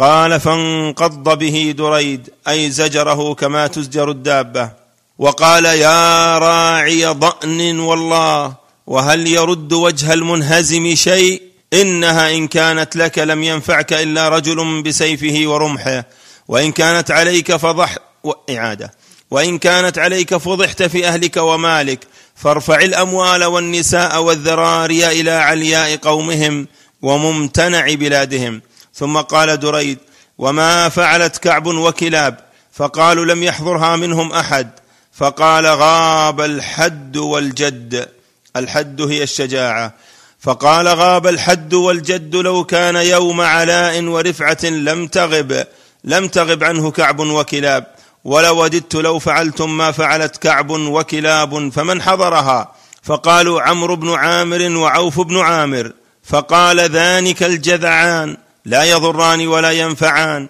فكره مالك ان يكون لدريد فيها راي فقال انك قد كبرت وكبر علمك والله لتطيعن يا معشر هوازن او لاتكئن على هذا السيف حتى يخرج من ظهري فقالوا اطعناك ثم قال مالك للناس اذا رايتموهم فاكسروا جفان سيوفكم ثم شدوا شده رجل واحد اخرجه البيهقي في الدلائل وورد في سيره ابن هشام وابن حبان الثالث استعاره الدروع من صفوان بن اميه السابع بعد السبعمائه من حديث صفوان بن اميه رضي الله عنه ان رسول الله صلى الله عليه وسلم استعار منه ادراعا يوم حنين فقال اغصب يا محمد فقال عليه الصلاه والسلام لا بل عاريه مضمونه اخرجه ابو داود واحمد رابعا قصه الجاسوس الذي جاء يتجسس على المسلمين الثامن بعد السبعمائه من حديث سلمه بن الاكوع رضي الله عنه قال غزونا مع رسول الله صلى الله عليه وسلم هوازن فبينما نحن نتضحى مع رسول الله صلى الله عليه وسلم اذ جاء رجل على جمل احمر فاناخه ثم انتزع طلقا من حقبه فقيد به الجمل ثم تقدم يتغدى مع القوم وجعل ينظر وفينا ضعفه ورقه في الظهر وبعضنا مشاه اذ خرج يشتد فاتى جمله فاطلق قيده ثم اناخه وقعد عليه فاثاره فاشتد به الجمل فاتبعه رجل على ناقه ورقى قال سلمه وخرجت اشتد فكنت عند ورك الناقه ثم تقدمت حتى كنت عند ورك الجمل ثم تقدمت حتى اخذت بخطام الجمل فانخته فلما وضعت ركبته في الارض اخترت سيفي فضربت راس الرجل فندر ثم جئت بالجمل اقوده عليه رحله وسلاحه فاستقبلني رسول الله صلى الله عليه وسلم والناس معه فقال عليه الصلاه والسلام من قتل الرجل قالوا ابن الاكوع قال عليه الصلاه والسلام له سلبه أجمع أخرجه مسلم وأبو داود والطحاوي خامسا تبشير الرسول صلى الله عليه وسلم بغنيمة حنين التاسع بعد السبعمائة من حديث سهيل بن الحنظلية رضي الله عنه انهم ساروا مع رسول الله صلى الله عليه وسلم يوم حنين فاطنبوا السير حتى كانت عشيه فحضرت الصلاه عند رسول الله صلى الله عليه وسلم فجاء رجل فارس فقال يا رسول الله اني انطلقت بين ايديكم حتى طلعت جبل كذا وكذا فاذا انا بهوازن على بكره ابائهم بضعنهم ونعمهم وشائهم اجتمعوا الى حنين فتبسم رسول الله صلى الله عليه وسلم وقال تلك غنيمه المسلمين غدا ان شاء الله ثم قال عليه الصلاه والسلام من يحرسنا الليله فقال انس بن ابي مرثد الغنوي انا يا رسول الله قال عليه الصلاه والسلام فاركب فركب فرسا له فجاء الى رسول الله صلى الله عليه وسلم فقال له رسول الله صلى الله عليه وسلم استقبل هذا الشعب حتى تكون في اعلاه ولا نغرن من قبلك الليله فلما اصبحنا خرج رسول الله صلى الله عليه وسلم الى مصلاه فركع ركعتين ثم قال هل احسستم فارسكم قالوا يا رسول الله ما احسسنا فثوب بالصلاه فجعل رسول الله صلى الله عليه وسلم يصلي وهو يلتفت الى الشعب حتى اذا قضى صلاته وسلم قال عليه الصلاه والسلام ابشروا فقد جاءكم فارسكم فجعلنا ننظر الى الشجره في الشعب فاذا هو قد جاء حتى وقف على رسول الله صلى الله عليه وسلم فسلم فقال اني انطلقت حتى كنت في اعلى هذا الشعب حيث امرني رسول الله صلى الله عليه وسلم فلما اصبحت طلعت الشعبين كليهما فنظرت فلم ارى احدا فقال له رسول الله صلى الله عليه وسلم هل نزلت الليله قال لا الا مصليا او قاضي حاجه فقال له رسول الله صلى الله عليه وسلم فقد اوجبت فلا عليك الا تعمل بعدها اخرجه ابو داود والنسائي والحافظ ابن كثير في التاريخ واخرجه البيهقي في الدلائل واسناد هذا الحديث صحيح سادسا قصه المفاجاه والهزيمه الف الهزيمه العاشر بعد السبعمائه من حديث انس رضي الله عنه قال لما اجتمع يوم حنين اهل مكه واهل المدينه اعجبتهم كثرتهم فقال القوم اليوم والله ما نقاتل حين اجتمعنا فكره رسول الله صلى الله عليه وسلم ما قالوا ما اعجبهم من كثرتهم اخرجه الحاكم وصححه الحادي عشر بعد السبعمائه من حديث جابر بن عبد الله رضي الله عنه قال لما استقبلنا وادي حنين قال انحدرنا في واد من اوديه تهامه اجوف حطوط والحطوط هو الواسع المنحدر من اعلى الى اسفل انما ننحدر فيه انحدارا قال وفي عمايه الصبح اي بقيه ظلمه الليل وقد كان القوم كمنوا لنا في شعابه وفي اجنابه ومضايقه قد جمعوا وتهيأوا وأعدوا فوالله ما راعنا ونحن منحطون إلا الكتائب قد شدت علينا شدة رجل واحد وانهزم الناس راجعين فاستمروا لا يلوي أحد منهم على أحد وانحاز رسول الله صلى الله عليه وسلم ذات اليمين قال عليه الصلاة والسلام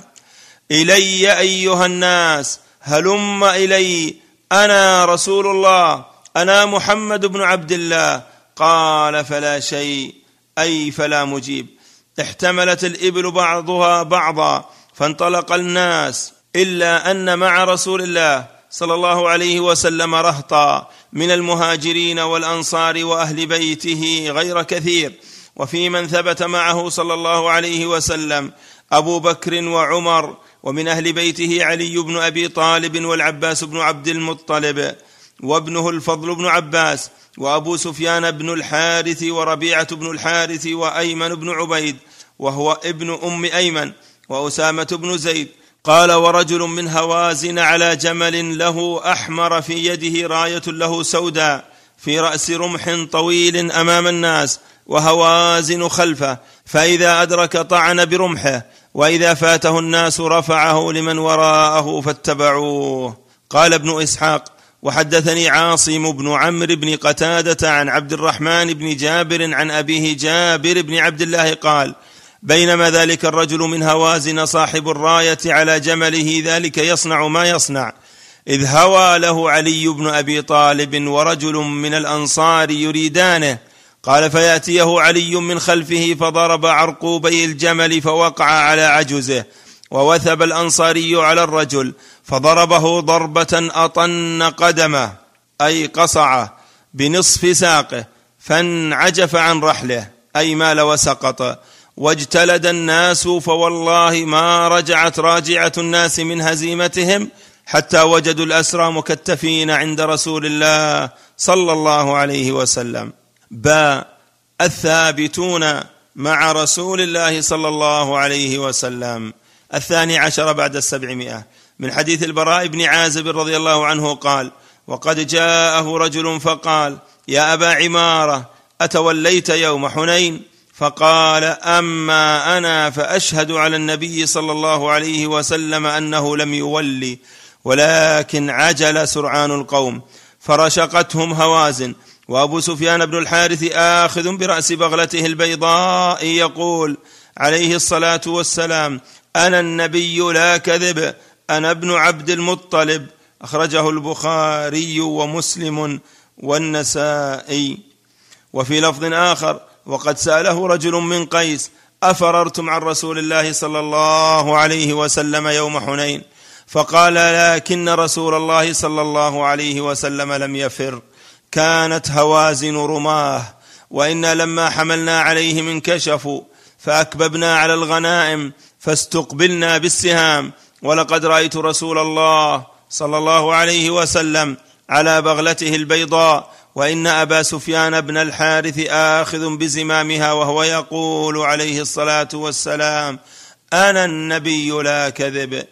الثالث عشر بعد السبعمائه من حديث ابن عمر رضي الله عنهما قال لقد رايتنا يوم حنين وان الفئتين لموليتان وما مع رسول الله صلى الله عليه وسلم مائه رجل اخرجه الترمذي وقال حديث حسن غريب وحسنه الحافظ في الفتح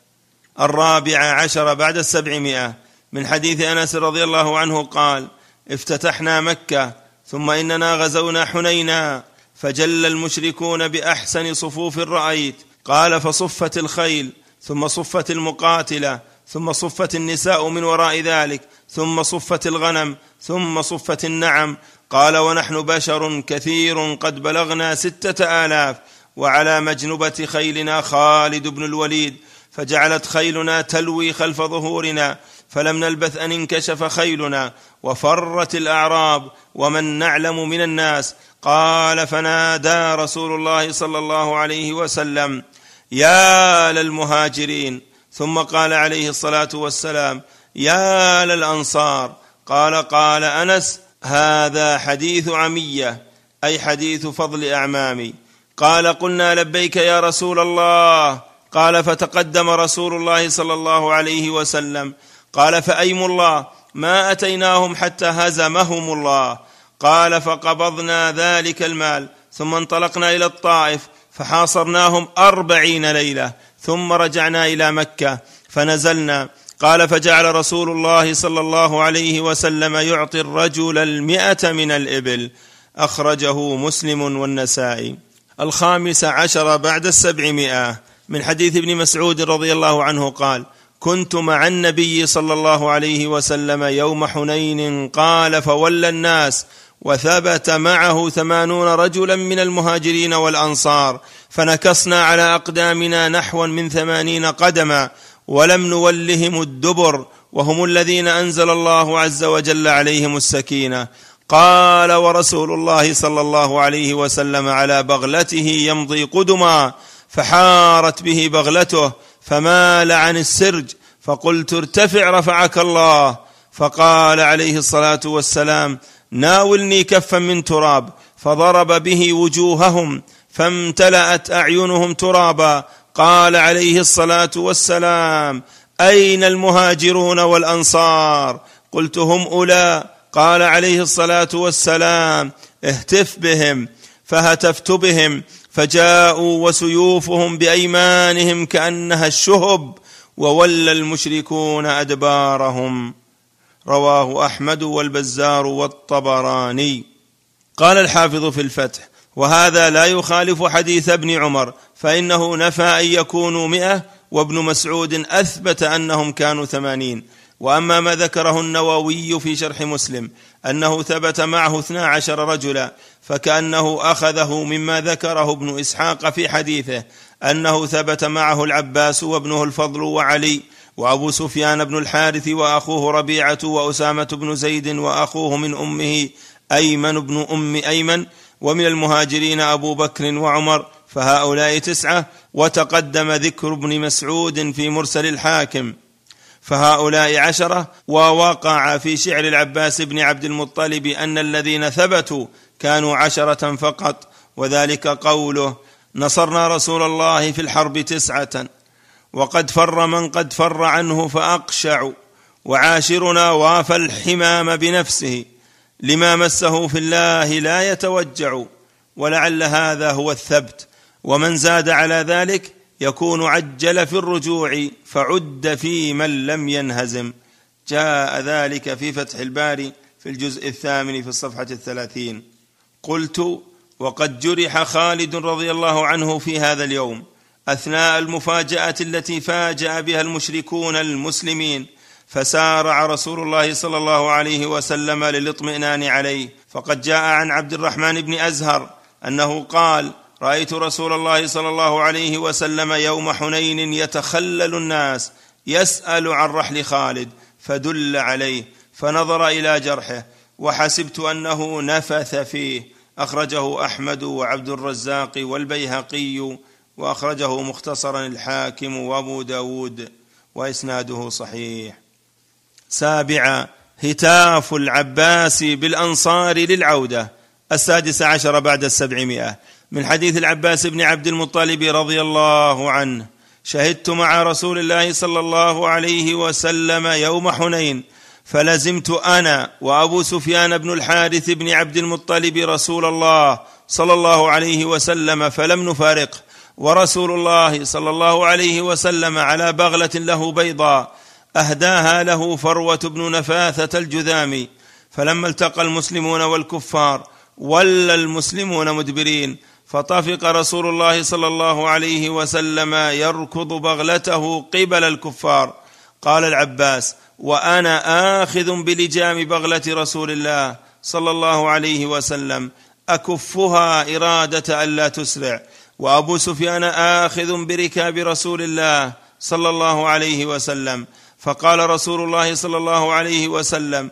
اي عباس نادي اصحاب السمره فقال العباس وكان رجلا صيتا فقلت باعلى صوتي اين اصحاب السمره وهي الشجره التي بايعوا تحتها بيعه الرضوان قال فوالله لكان عطفتهم حين سمعوا صوتي عطفه البقر على اولادها فقالوا يا لبيك يا لبيك قال فاقتتلوا والكفار والدعوه في الانصار يقولون يا معشر الانصار يا معشر الانصار ثم قصرت الدعوه على بني الحارث بن الخزرج فقالوا يا بني الحارث بن الخزرج يا بني الحارث بن الخزرج فنظر رسول الله صلى الله عليه وسلم وهو على بغلته كالمتطاول عليها الى قتالهم فقال رسول الله صلى الله عليه وسلم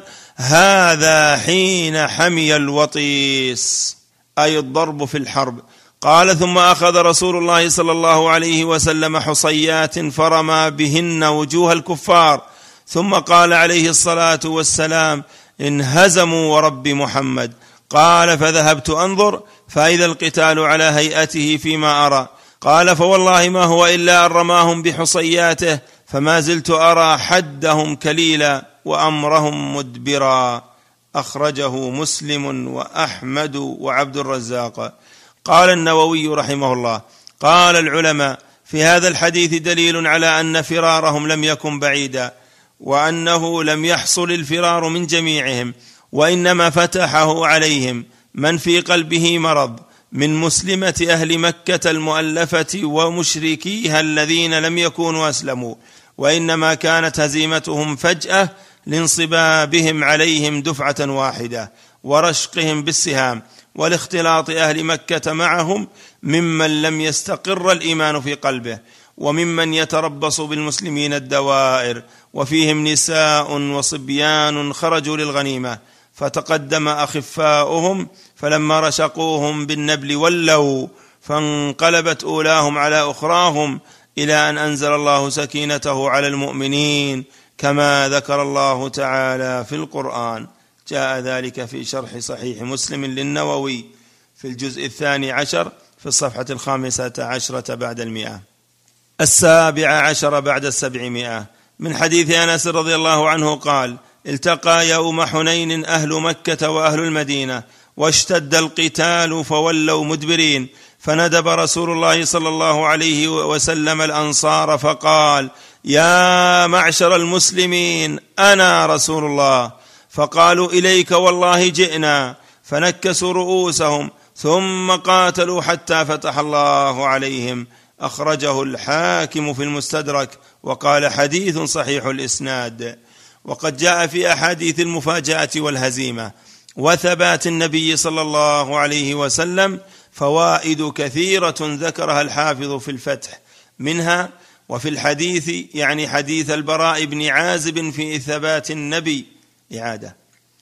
وفي الحديث يعني حديث البراء بن عازب في ثبات النبي صلى الله عليه وسلم من الفوائد حسن الأدب في الخطاب والإرشاد إلى حسن السؤال بحسن الجواب وذم الإعجاب وفيه جواز الانتساب الى الاباء ولو ماتوا في الجاهليه والنهي عن ذلك محمول على ما هو خارج الحرب ومثله الرخصه في الخيلاء في الحرب دون غيرها وجواز التعرض الى الهلاك في سبيل الله ولا يقال كان النبي صلى الله عليه وسلم متيقنا للنصر لوعد الله تعالى له بذلك وهو حق لان ابا سفيان بن الحارث قد ثبت معه آخذا بلجام بغلته وليس هو على اليقين مثل النبي صلى الله عليه وسلم وفي ركوب البغلة إشارة إلى مزيد الثبات لأن ركوب الفحولة مظنة الاستعداد للفرار والتولي واذا كان راس الجيش قد وطن نفسه على عدم الفرار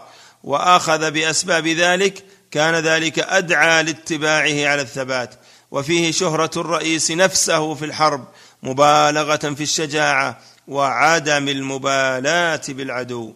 جاء ذلك في فتح الباري في الجزء الثامن في الصفحه الثانيه والثلاثين ثامنا اشتداد المعركه وقوله عليه السلام في ذلك الثامن عشر بعد السبعمائه من حديث جابر بن عبد الله ان رسول الله صلى الله عليه وسلم قال يوم حنين الان حمي الوطيس ثم قال عليه الصلاه والسلام هزموا ورب الكعبه رواه الطبراني في الاوسط ورجاله رجال الصحيح تاسعا رميه عليه السلام الحصى في وجوه الاعداء الف قد سبق ذكر رمي الحصى من حديث ابن مسعود رقم خمسة عشر وسبعمائة ومن حديث العباس بن عبد المطلب رقم ستة عشر وسبعمائة وقد جاء أيضا من حديث أبي عبد الرحمن الفهري في قصة حنين أخرجه أبو داود وأبو داود الطيالسي التاسع عشر بعد السبعمائة وقد جاء أيضا من حديث يزيد بن عامر السسوائي أنه قال عند انكشافة انكشفها المسلمون يوم حنين فتبعتهم الكفار فاخذ رسول الله صلى الله عليه وسلم قبضه من الارض فرمى بها وجوههم وقال ارجعوا شاهت الوجوه فما من احد يلقى اخاه الا وهو يشكو القذى ويمسح عينيه اخرجه الطبراني العشرون بعد السبعمائه ومن حديث سلامه بن الاكوع رضي الله عنه قال غزونا مع رسول الله صلى الله عليه وسلم حنينا فلما واجهنا العدو وتقدمت فاعلو ثنيه فاستقبل رجلا من العدو فارميه بسهم وتوارى عني فما دريت ما صنع ثم نظرت الى القوم فاذا هم قد طلعوا من ثنيه اخرى فالتقوا هم وصحابه للنبي صلى الله عليه وسلم فولى صحابه النبي صلى الله عليه وسلم فارجع منهزما وعلي بردتان مؤتزرا باحداهما مرتديا بالاخرى قال فاستطلق ازاري فجمعتها جمعا ومررت على رسول الله صلى الله عليه وسلم منهزما وهو على بغلته الشهبة فقال رسول الله صلى الله عليه وسلم لقد راى ابن الاكوع فزعا فلما غشوا رسول الله صلى الله عليه وسلم نزل عن البغله ثم قبض قبضه من تراب من الارض ثم استقبل بها وجوههم فقال شاهت الوجوه اي قبحت فما خلق الله منهم انسانا الا ملا عينيه ترابا بتلك القبضه فولوا مدبرين فهزمهم الله وقسم رسول الله صلى الله عليه وسلم غنائمهم بين المسلمين اخرجه مسلم قلت جاء في الاحاديث السابقه انه صلى الله عليه وسلم قد تناول كفا من تراب او حصى ورمى بها المشركين وقد جاء من حديث ابن مسعود فيما مضى ايضا انه طلب منه ان يناوله كفا من التراب فرمى به المشركين ومن حديث ابن عباس إن انه طلب من علي ان يناوله التراب فرمى به المشركين ويجمع بين هذه الاحاديث انه صلى الله عليه وسلم اولا قال لصاحبه ناولني فناوله فرماهم ثم نزل عن البغله فاخذ بيده فرماهم ايضا فيحتمل ان الحصى في احدى المرتين وفي الاخرى التراب والله اعلم كذا قال الحافظ كما جاء في الفتح في الجزء الثامن في الصفحه الثانيه والثلاثين باء الرعب الذي اوقعه الله في قلوب المشركين يوم حنين الحادي والعشرون بعد السبعمائه من حديث يزيد بن عامر السسوائي وكان شهد حنينا مع المشركين ثم اسلم قال ابو السائب سالناه عن الرعب الذي القاه الله في قلوبهم يوم حنين كيف كان فاخذ حصاة فرمى بها طستا فطن قال كنا نجد في اجوافنا مثل هذا اخرجه الطبراني في الكبير عاشرا دعاء النبي صلى الله عليه وسلم يوم حنين الثاني والعشرون بعد السبعمائه من حديث البراء بن عازب رضي الله عنه قال رجل للبراء اكنتم وليتم يوم حنين يا ابا عماره فقال اشهد على نبي الله صلى الله عليه وسلم ما ولى ولكنه انطلق اخفاء الناس وحسر الى هذا الحي من هوازن وهم قوم رمى فرموهم برشق من نبل كانها رجل من جراد فانكشفوا فاقبل القوم الى رسول الله صلى الله عليه وسلم وابو سفيان بن الحارث يقود به بغلته فنزل ودعا واستنصر وهو يقول عليه الصلاه والسلام انا النبي لا كذب انا ابن عبد المطلب اللهم نزل نصرك قال البراء كنا والله اذا احمر الباس نتقي به وان الشجاع منا للذي يحاذي به يعني النبي صلى الله عليه وسلم اخرجه مسلم الحادي عشر ثبات ابي سفيان بن الحارث مع رسول الله صلى الله عليه وسلم وقد سبق ذكر ثباته من حديث العباس بن عبد المطلب ومن حديث البراء بن عازب ومن حديث جابر بن عبد الله وهذا مما يدل على شجاعته وتضحيته وصدق ايمانه رضي الله عنه اوامر الرسول صلى الله عليه وسلم الصارمه بحق المشركين يوم حنين الثالث والعشرون بعد السبعمائه من حديث انس رضي الله عنه ان رسول الله صلى الله عليه وسلم قال يوم حنين جزوهم جزا واومأ بيده الى الحلق اخرجه البزار وقال الهيثمي ورجاله ثقات الثاني عشر اساليب النبي صلى الله عليه وسلم التشجيعيه يوم حنين في القتال الف ابو طلحه رضي الله عنه الرابع والعشرون بعد السبعمائه من حديث انس رضي الله عنه قال قال رسول الله صلى الله عليه وسلم يومئذ يعني يوم حنين من قتل كافرا فله سلبه فقتل ابو طلحه يومئذ عشرين رجلا واخذ اسلابهم اخرجه ابو داود والدارمي وابن سعد وصححه الحاكم ووافقه الذهبي واسناده صحيح باء ابو قتاده رضي الله عنه الخامس والعشرون بعد السبعمائه من حديث ابي قتاده رضي الله عنه قال خرجنا مع رسول الله صلى الله عليه وسلم عام حنين فلما التقينا كانت للمسلمين جوله قال فرايت رجلا من المشركين قد علا رجلا من المسلمين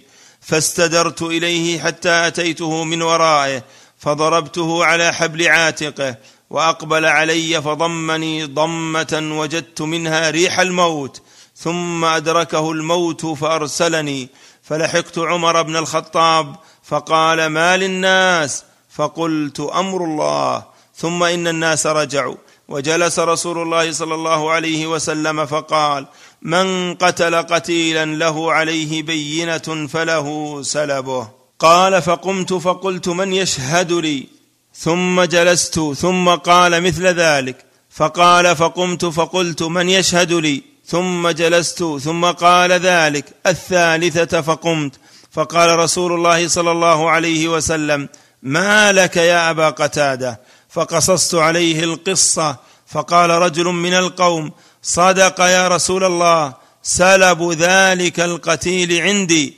فارضه من حقه وقال ابو بكر الصديق لا الله يعني لا والله اذا لا يعمد الى اسد من اسد الله يقاتل عن الله وعن رسوله فيعطيك سلبه فقال رسول الله صلى الله عليه وسلم صدق فاعطه اياه فاعطاني قال فبعت الدرع وابتعت معه مخرفا في بني سلمه فانه لاول ما تاثلته في الاسلام وفي حديث الليث فقال ابو بكر كلا لا يعطيه اضيبع في قريش ويدع اسدا من اسد الله اخرجه البخاري ومسلم الثالث عشر شجاعه ممثله النساء ام سليم يوم حنين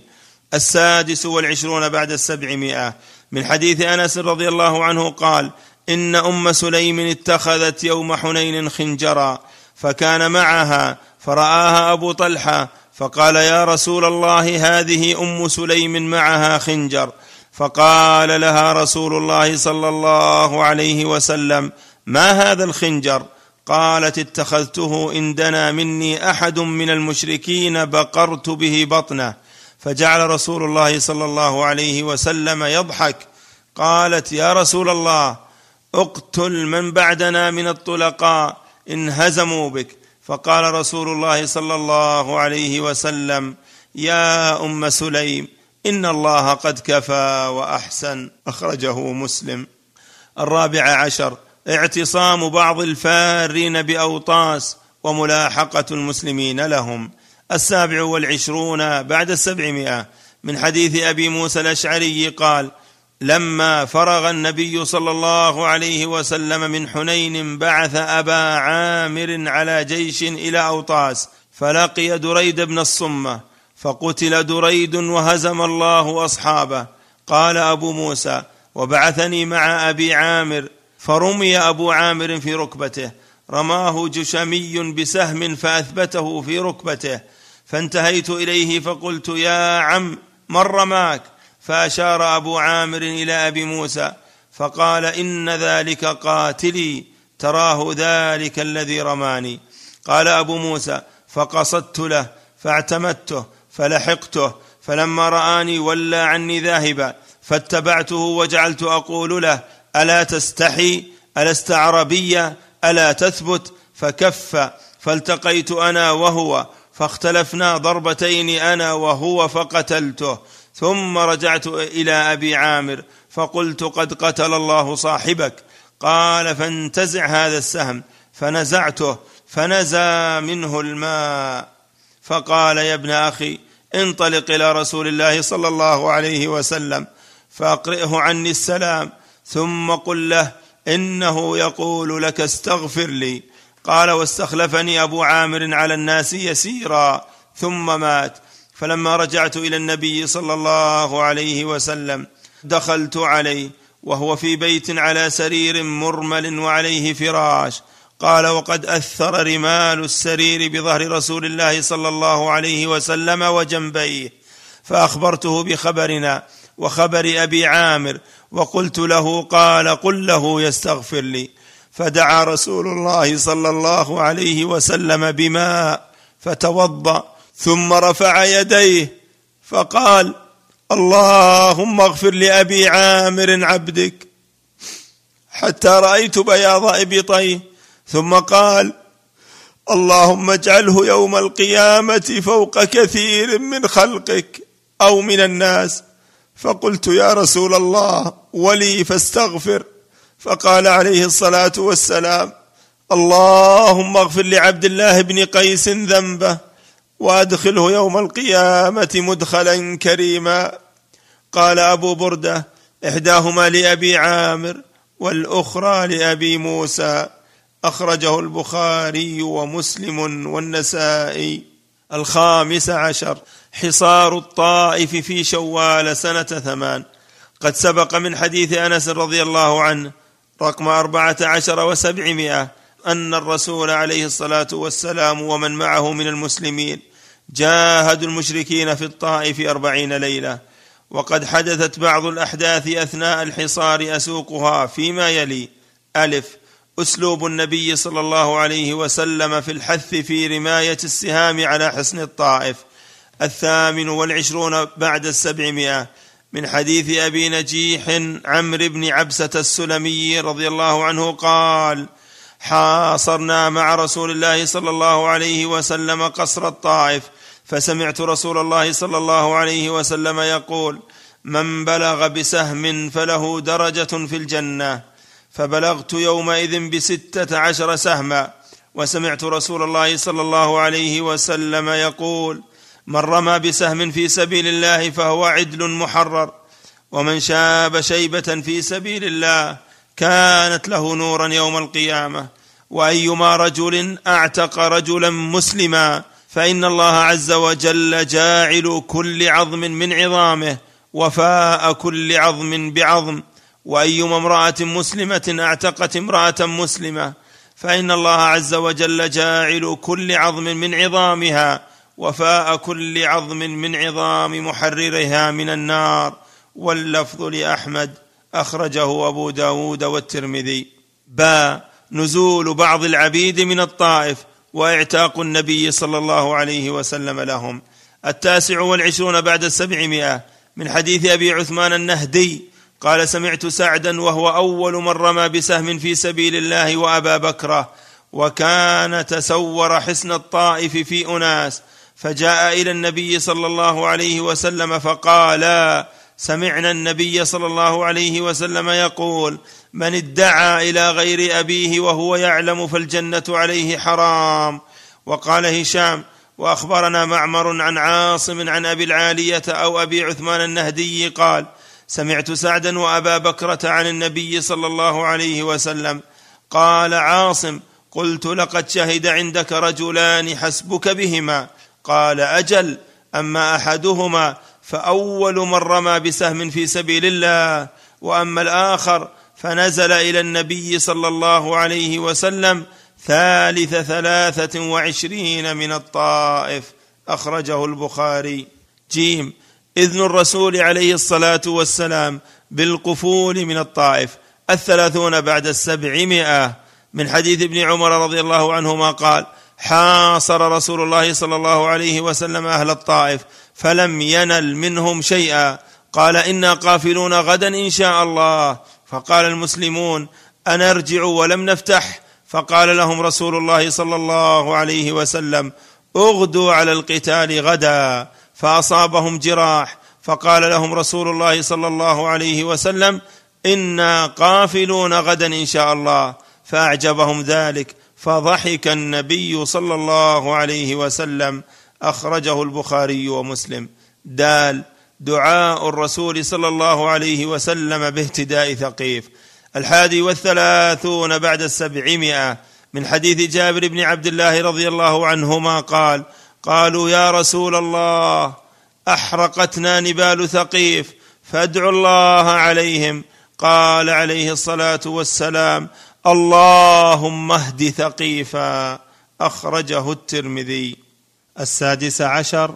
قسمه الغنائم الف طريقته في القسمه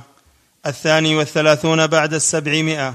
من حديث عمرو بن تغلب رضي الله عنه قال اعطى رسول الله صلى الله عليه وسلم قوما ومنع اخرين فكانهم عتبوا عليه فقال عليه الصلاه والسلام اني اعطي اقواما اخاف هلعهم وجزعهم واكل قوما الى ما جعل الله في قلوبهم من الخير والغنى منهم عمرو بن تغلب قال عمرو فما احب ان لي بكلمه رسول الله صلى الله عليه وسلم حمر النعم وفي لفظ اخر ان رسول الله صلى الله عليه وسلم اوتي بمال او سبي فقسمه فاعطى رجالا وترك رجالا فبلغه ان الذين ترك عتبوا فحمد الله ثم اثنى عليه ثم قال عليه الصلاه والسلام اما بعد فوالله اني لاعطي الرجل والذي ادع احب الي من الذي اعطي ولكني اعطي اقواما لما ارى في قلوبهم من الجزع والهلع واكل اقواما الى ما جعل الله في قلوبهم من الغنى والخير فيهم عمرو بن تغلب فوالله ما احب ان لي بكلمه رسول الله صلى الله عليه وسلم حمر النعم اخرجه البخاري واحمد في المسند با اعطاؤه صلى الله عليه وسلم لصفوان بن اميه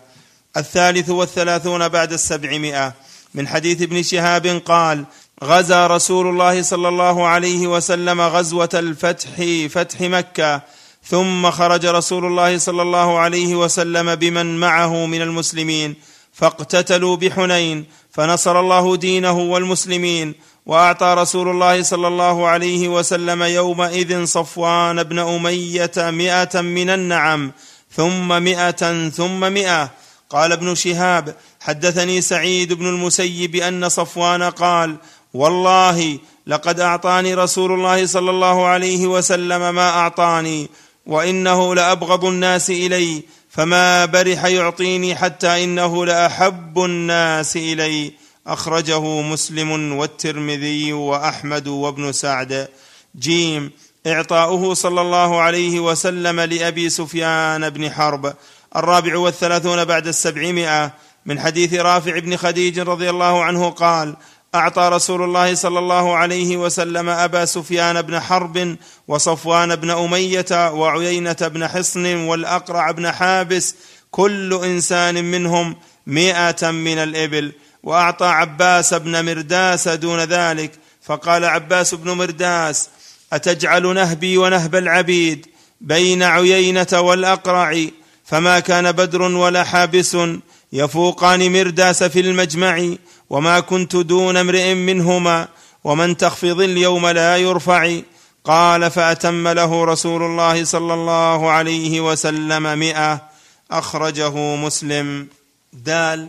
الأعرابي الجلف ورفض البشرى الخامس والثلاثون بعد السبعمائة من حديث أبي موسى الأشعري رضي الله عنه قال كنت عند النبي صلى الله عليه وسلم وهو نازل بالجعرانه بين مكه والمدينه ومعه بلال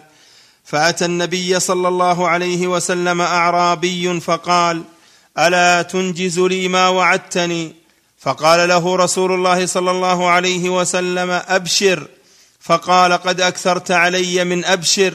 فاقبل على ابي موسى وبلال كهيئه الغضبان فقال عليه الصلاه والسلام رد البشرى فاقبلا انتما قالا قبلنا ثم دعا بقدح فيه ماء فغسل يديه ووجهه فيه ومج فيه ثم قال اشربا منه وافرغا على وجوهكما ونحوركما وابشرا فاخذ القدح ففعلا فنادت ام سلمه من وراء الستر ان افضلا لامكما فافضل لها منه طائفه اخرجه البخاري ومسلم ها مقوله المنافق اعدل فانك لم تعدل السادس والثلاثون بعد السبعمائه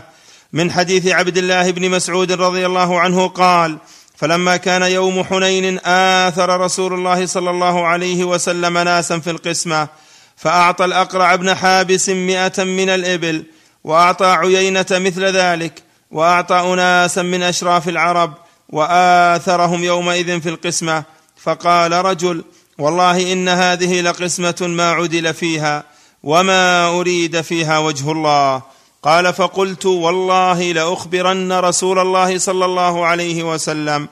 قال فاتيته فاخبرته بما قال قال فتغير وجهه صلى الله عليه وسلم حتى كان كالصرف ثم قال فمن يعدل ان لم يعدل الله ورسوله قال ثم قال عليه الصلاه والسلام يرحم الله موسى قد اوذي باكثر من هذا فصبر قال قلت لا جرم لا ارفع اليه بعدها حديثا واللفظ لمسلم اخرجه البخاري واو تخيير هوازن بين اموالهم واحسابهم السابع والثلاثون بعد السبعمائه من حديث عمرو بن شعيب عن أبيه عن جده قال شهدت رسول الله صلى الله عليه وسلم يوم حنين وجاءته وفود هوازن فقالوا يا محمد انا اصل وعشيره فمن علينا من الله عليك فانه قد نزل بنا من البلاء ما لا يخفى عليك فقال عليه الصلاه والسلام اختاروا بين نسائكم واموالكم وابنائكم فقالوا خيرتنا بين احسابنا واموالنا نختار ابناءنا فقال عليه الصلاه والسلام ما كان لي ولبني عبد المطلب فهو لكم فاذا صليت الظهر قولوا انا نستشفع برسول الله على المؤمنين وبالمؤمنين على رسول الله صلى الله عليه وسلم في نسائنا وابنائنا قال ففعلوا فقال رسول الله صلى الله عليه وسلم اما ما كان لي ولبني عبد المطلب فهو لكم وقال المهاجرون ما كان لنا فهو لرسول الله صلى الله عليه وسلم وقالت الانصار مثل ذلك وقال عيينه بن بدر اما ما كان لي ولبني فزاره فلا وقال الاقرع بن حابس اما انا وبنو تميم فلا وقال عباس بن مرداس اما انا وبنو سليم فلا فقال الحيان كذبت بل هو لرسول الله صلى الله عليه وسلم فقال رسول الله صلى الله عليه وسلم يا ايها الناس ردوا عليهم نساءهم وابناءهم فمن تمسك بشيء من الفيء فله علينا سته فرائض من اول شيء يفيئه الله علينا وفي روايه فردوا على الناس ابناءهم ونساءهم ثم ركب راحلته وتعلق به الناس يقولون اقسم علينا فيئنا بيننا حتى الجاوه الى سمره فخطفت رداءه فقال عليه الصلاه والسلام يا ايها الناس ردوا علي ردائي فوالله لو كان لكم بعدد شجر تهامه نعم لقسمته بينكم ثم لا تلقوني بخيلا ولا جبانا ولا كذوبا ثم دنا من بعيره فاخذ وبره من سنامه فجعلها بين اصابعه السبابه والوسطى ثم رفعها فقال عليه الصلاه والسلام يا ايها الناس ليس لي من هذا الفيء ولا هذه الا بالخمس والخمس مردود عليكم فردوا الخياط والمخيط فان الغلول يكون على اهله يوم القيامه عارا ونارا وشنارا فقال رجل معه كبه من شعر فقام رجل معه كبه من شعر فقال اني اخذت هذه اصلح بها بردعه بعير لي دبر قال عليه الصلاه والسلام اما ما كان لي ولبني عبد المطلب فهو لك فقال الرجل يا رسول الله اما اذ بلغت ما ارى فلا أرب لي بها ونبذها أخرجه أحمد السابع عشر مجيء وفد هوازن مسلمين وإعادة السبي لهم قد سبق طرف من هذا في الحديث الذي سبق من حديث عمرو بن شعيب عن أبيه عن جده وقد جاء أيضا بشيء من الزيادة والتفصيل واكثر صحه من الحديث الذي ذكرت الثامن والثلاثون بعد السبعمائه من حديث مروان بن الحكم والمسور بن مخرمه ان رسول الله صلى الله عليه وسلم قام حين جاءه وفد هوازن مسلمين فسالوه ان يرد اليهم اموالهم وسبيهم فقال لهم رسول الله صلى الله عليه وسلم معي من ترون واحب الحديث الي اصدقه فاختاروا احدى الطائفتين اما السبي واما المال وقد كنت استانيت بكم وكان انظرهم رسول الله صلى الله عليه وسلم بضع عشره ليله حين قفل من الطائف فلما تبين لهم ان رسول الله صلى الله عليه وسلم غير راد اليهم الا احدى الطائفتين قالوا فانا نختار سبينا فقام رسول الله صلى الله عليه وسلم في المسلمين فاثنى على الله بما هو اهله ثم قال اما بعد فان اخوانكم قد جاءونا تائبين واني قد رايت ان ارد اليهم سبيهم فمن احب منكم ان يطيب ذلك فليفعل ومن احب منكم ان يكون على حظه حتى نعطيه اياه من اول ما يفيء الله علينا فليفعل فقال الناس قد طبنا بذلك يا رسول الله فقال رسول الله صلى الله عليه وسلم انا لا ندري من اذن منكم في ذلك ممن لم ياذن فارجعوا حتى يرفع الينا عرفاؤكم امركم فرجع الناس فكلمهم عرفاؤهم ثم رجعوا الى رسول الله صلى الله عليه وسلم فاخبروه انهم قد طيبوا واذنوا هذا الذي بلغني عن سبي هوازن اخرجه البخاري واحمد وابو داود والبيهقي الثامن عشر مقوله الانصار في تقسيم الغنائم وخطاب النبي صلى الله عليه وسلم لهم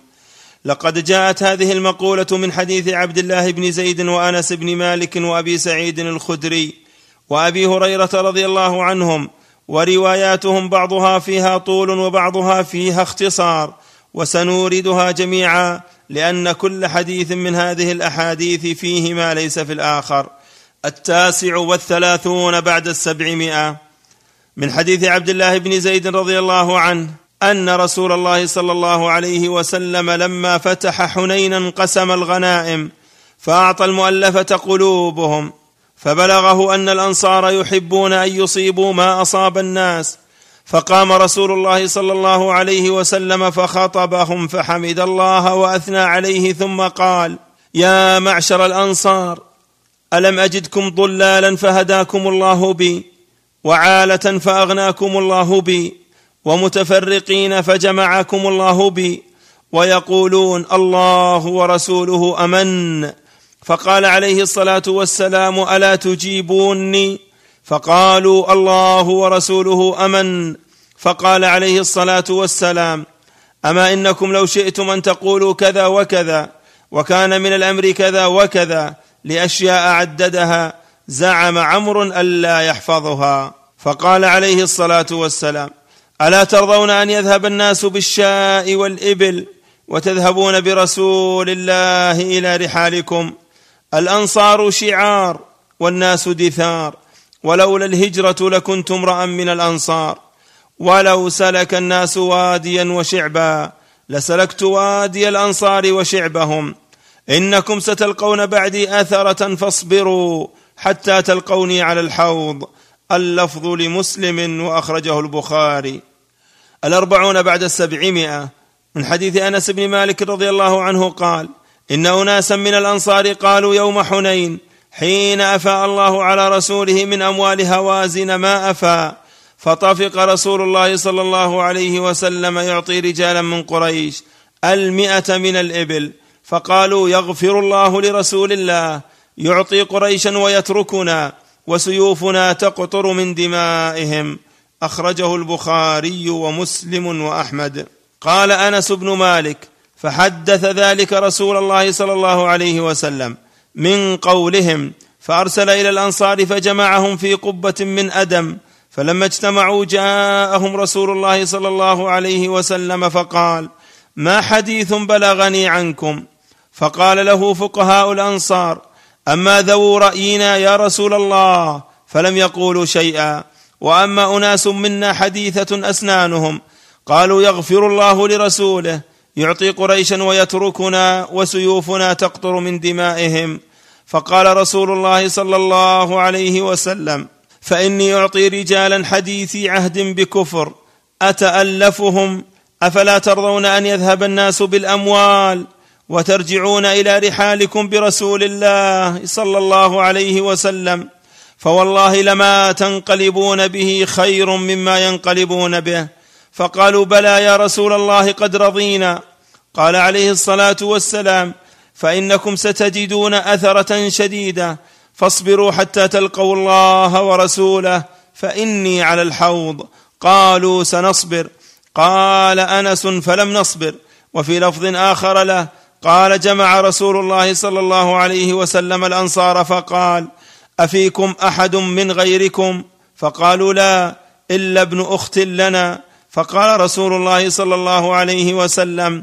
ان ابن اخت القوم منهم فقال عليه الصلاه والسلام ان قريشا حديث عهد بجاهليه ومصيبه واني اردت ان اجبرهم واتالفهم اما ترضون ان يرجع الناس بالدنيا وترجعون برسول الله الى بيوتكم لو سلكت الناس واديا وسلكت الانصار شعبا لسلكت شعب الانصار اخرجه البخاري ومسلم واحمد الحادي والاربعون بعد السبعمائه من حديث ابي سعيد الخدري رضي الله عنه قال ابن اسحاق حدثني عاصم بن عمر بن قتاده عن محمود بن لبيد عن ابي سعيد الخدري رضي الله عنه قال لما اعطى رسول الله صلى الله عليه وسلم ما اعطى من تلك العطايا في قريش وفي قبائل العرب ولم يكن في الانصار منها شيء وجد هذا الحي من الانصار في انفسهم حتى كثرت منهم القاله حتى قال قائلهم لقد لقي والله رسول الله صلى الله عليه وسلم قوما فدخل عليه سعد بن عباده فقال يا رسول الله ان هذا الحي من الانصار قد وجدوا عليك في انفسهم لما صنعت في هذا الفيء الذي اصبت قسمت في قومك واعطيت عطايا عظاما في قبائل العرب ولم يك في هذا الحي من الانصار منها شيء قال عليه الصلاه والسلام فاين انت من ذلك يا سعد قال يا رسول الله ما انا الا من قومي قال عليه الصلاه والسلام فاجمع لي قومك في هذه الحظيره قال فخرج سعد فجمع الانصار في تلك الحظيره قال فجاء رجال من المهاجرين فتركهم فدخلوا وجاء اخرون فرده فلما اجتمعوا له اتاه سعد فقال قد اجتمع لك هذا الحي من الانصار فاتاهم رسول الله صلى الله عليه وسلم فحمد الله واثنى عليه بما هو اهله ثم قال يا معشر الانصار ما قاله بلغتني عنكم وجده وجدتموها علي في انفسكم الم تكونوا ضلالا فهداكم الله وعاله فاغناكم الله واعداء فالف الله بين قلوبكم قالوا بلى الله ورسوله امن وافضل ثم قال عليه الصلاه والسلام الا تجيبوني يا معشر الانصار قالوا بماذا نجيبك يا رسول الله لله ولرسوله المن والفضل قال صلى الله عليه وسلم اما والله لو شئتم لقلتم فلصدقتم ولصدقتم اتيتنا مكذبا فصدقناك ومخذولا فنصرناك وطريدا فاويناك وعائلا فاسيناك وجدتم يا معشر الانصار في انفسكم في لعاعه من الدنيا تالفت بها قوما ليسلموا ووكلتكم الى اسلامكم الا ترضون يا معشر الانصار ان يذهب الناس بالشاة والبعير وترجعوا برسول الله الى رحالكم فوالذي نفس محمد بيده لولا الهجره لكنت امرا من الانصار ولو سلك الناس شعبا وسلكت الانصار شعبا لسلكت شعب الانصار اللهم ارحم الانصار وابناء الانصار وابناء ابناء الانصار اخرجه احمد وابن جرير وعبد الرزاق في المصنف وابو يعلى واسانيدهم صحيحه فوائد هذه القصه وعبرها ذكر الحافظ ابن حجر رحمه الله في الفتح فوائد نفيسه استخلصها من هذه الحادثه وما قال الرسول صلى الله عليه وسلم للانصار وما قالوا له اذكرها لعظيم نفعها وجزاله معانيها ولما احتوته في طياتها من الخير العظيم قال رحمه الله وبعد شرحه حديث عبد الله بن زيد وبيانه للكثير من معانيه وفي الحديث من الفوائد غير ما تقدم اقامه الحجه على الخصم وافحامه بالحق عند الحاجه اليه وحسن ادب الانصار في تركهم المحاوره والمبالغه في الحياء وبين ان الذي نقل عنهم انما كان عن شبانهم لا عن شيوخهم وكهولهم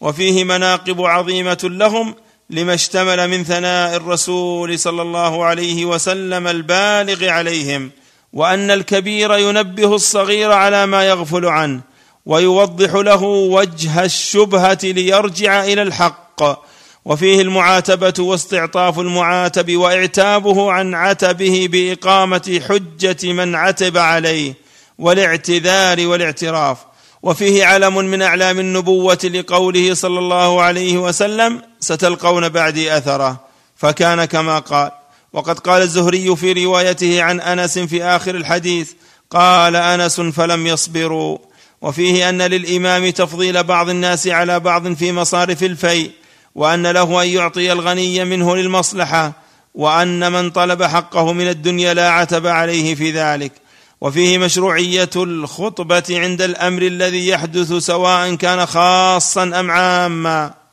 وفيه تسليه من فاته شيء من الدنيا مما حصل له من ثواب الاخره والحض على طلب الهدايه والالفه والغنى وان المنه لله ورسوله على الاطلاق وتقديم جانب الاخره على الدنيا والصبر عما فات منها ليدخر ذلك لصاحبه في الاخره والاخره خير وابقى جاء ذلك في فتح الباري في الجزء الثامن في الصفحه الثانيه والخمسين التاسعه عشر عمره النبي صلى الله عليه وسلم من الجعرانه وقد ذكر هذه العمره اصحاب المغازي والسير مثل عروه بن الزبير وموسى بن عقبه وابن اسحاق وابن هشام وابن حبان والواقدي وقد انكره ابن عمر رضي الله عنه ونقل ذلك عنه مولاه نافع اخرج البخاري من طريق ايوب عن نافع قال لم يعتمر رسول الله صلى الله عليه وسلم من الجعرانه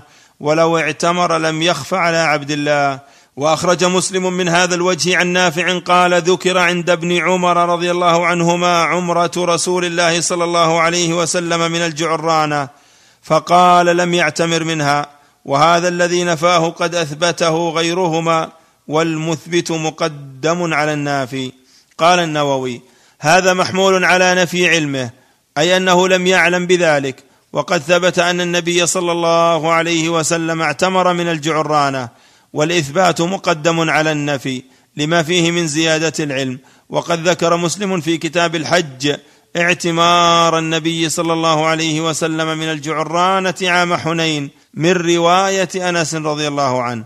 وحديث انس اخرجه احمد والشيخان وابو داود والترمذي وقد ورد من حديث ابن عباس اخرجه ابو داود والترمذي وابن ماجه وحسنه الترمذي ومن حديث جابر رواه البزار والطبراني في الاوسط ورجاله رجال الصحيح كما قال الهيثمي ومن حديث محرش الكعبي رواه احمد والحميدي وابو داود والترمذي والنسائي قال الحافظ ابن كثير قد اطبق النقله ممن عداهما على روايه ذلك من اصحاب الصحاح والسنن والمسانيد وذكر ذلك اصحاب المغازي والسير كلهم ووجه الخفاء في القضيه ما جاء في حديث محرش الكعبي ان رسول الله صلى الله عليه وسلم خرج ليلا معتمرا فدخل مكه ليلا فقضى عمرته ثم خرج من ليلته فاصبح بالجعرانه كبائت الى اخر الحديث ومن اجل ذلك خفيت عمرته على الناس الثاني والاربعون بعد السبعمائه من حديث انس رضي الله عنه قال اعتمر رسول الله صلى الله عليه وسلم اربع عمر كلهن في ذي القعده الا التي كانت مع حجته عمره من الحديبيه في ذي القعده وعمره من العام المقبل في ذي القعده وعمره من الجعرانه حين قسم غنائم حنين في ذي القعده وعمره مع حجته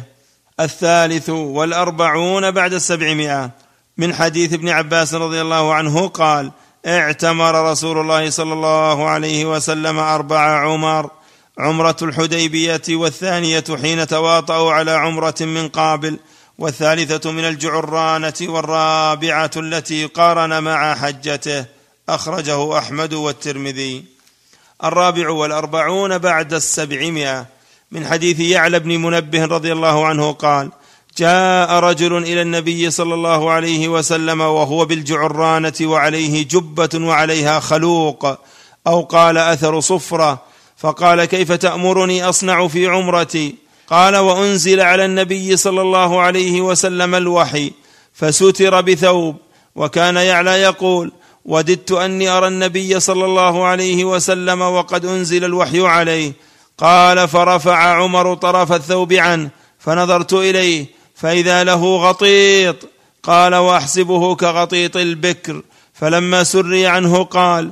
أين السائل عن العمرة اغسل عنك الصفرة أو قال أثر الخلوق واخلع عنك جبتك واصنع في عمرتك ما أنت صانع في حجتك قال واتى النبي صلى الله عليه وسلم رجل قد عض رجلا فانتزع يده فسقطت ثنيه الذي عضه قال فابطلها النبي صلى الله عليه وسلم وقال عليه الصلاه والسلام اردت ان تقضمه كما يقضم الفحل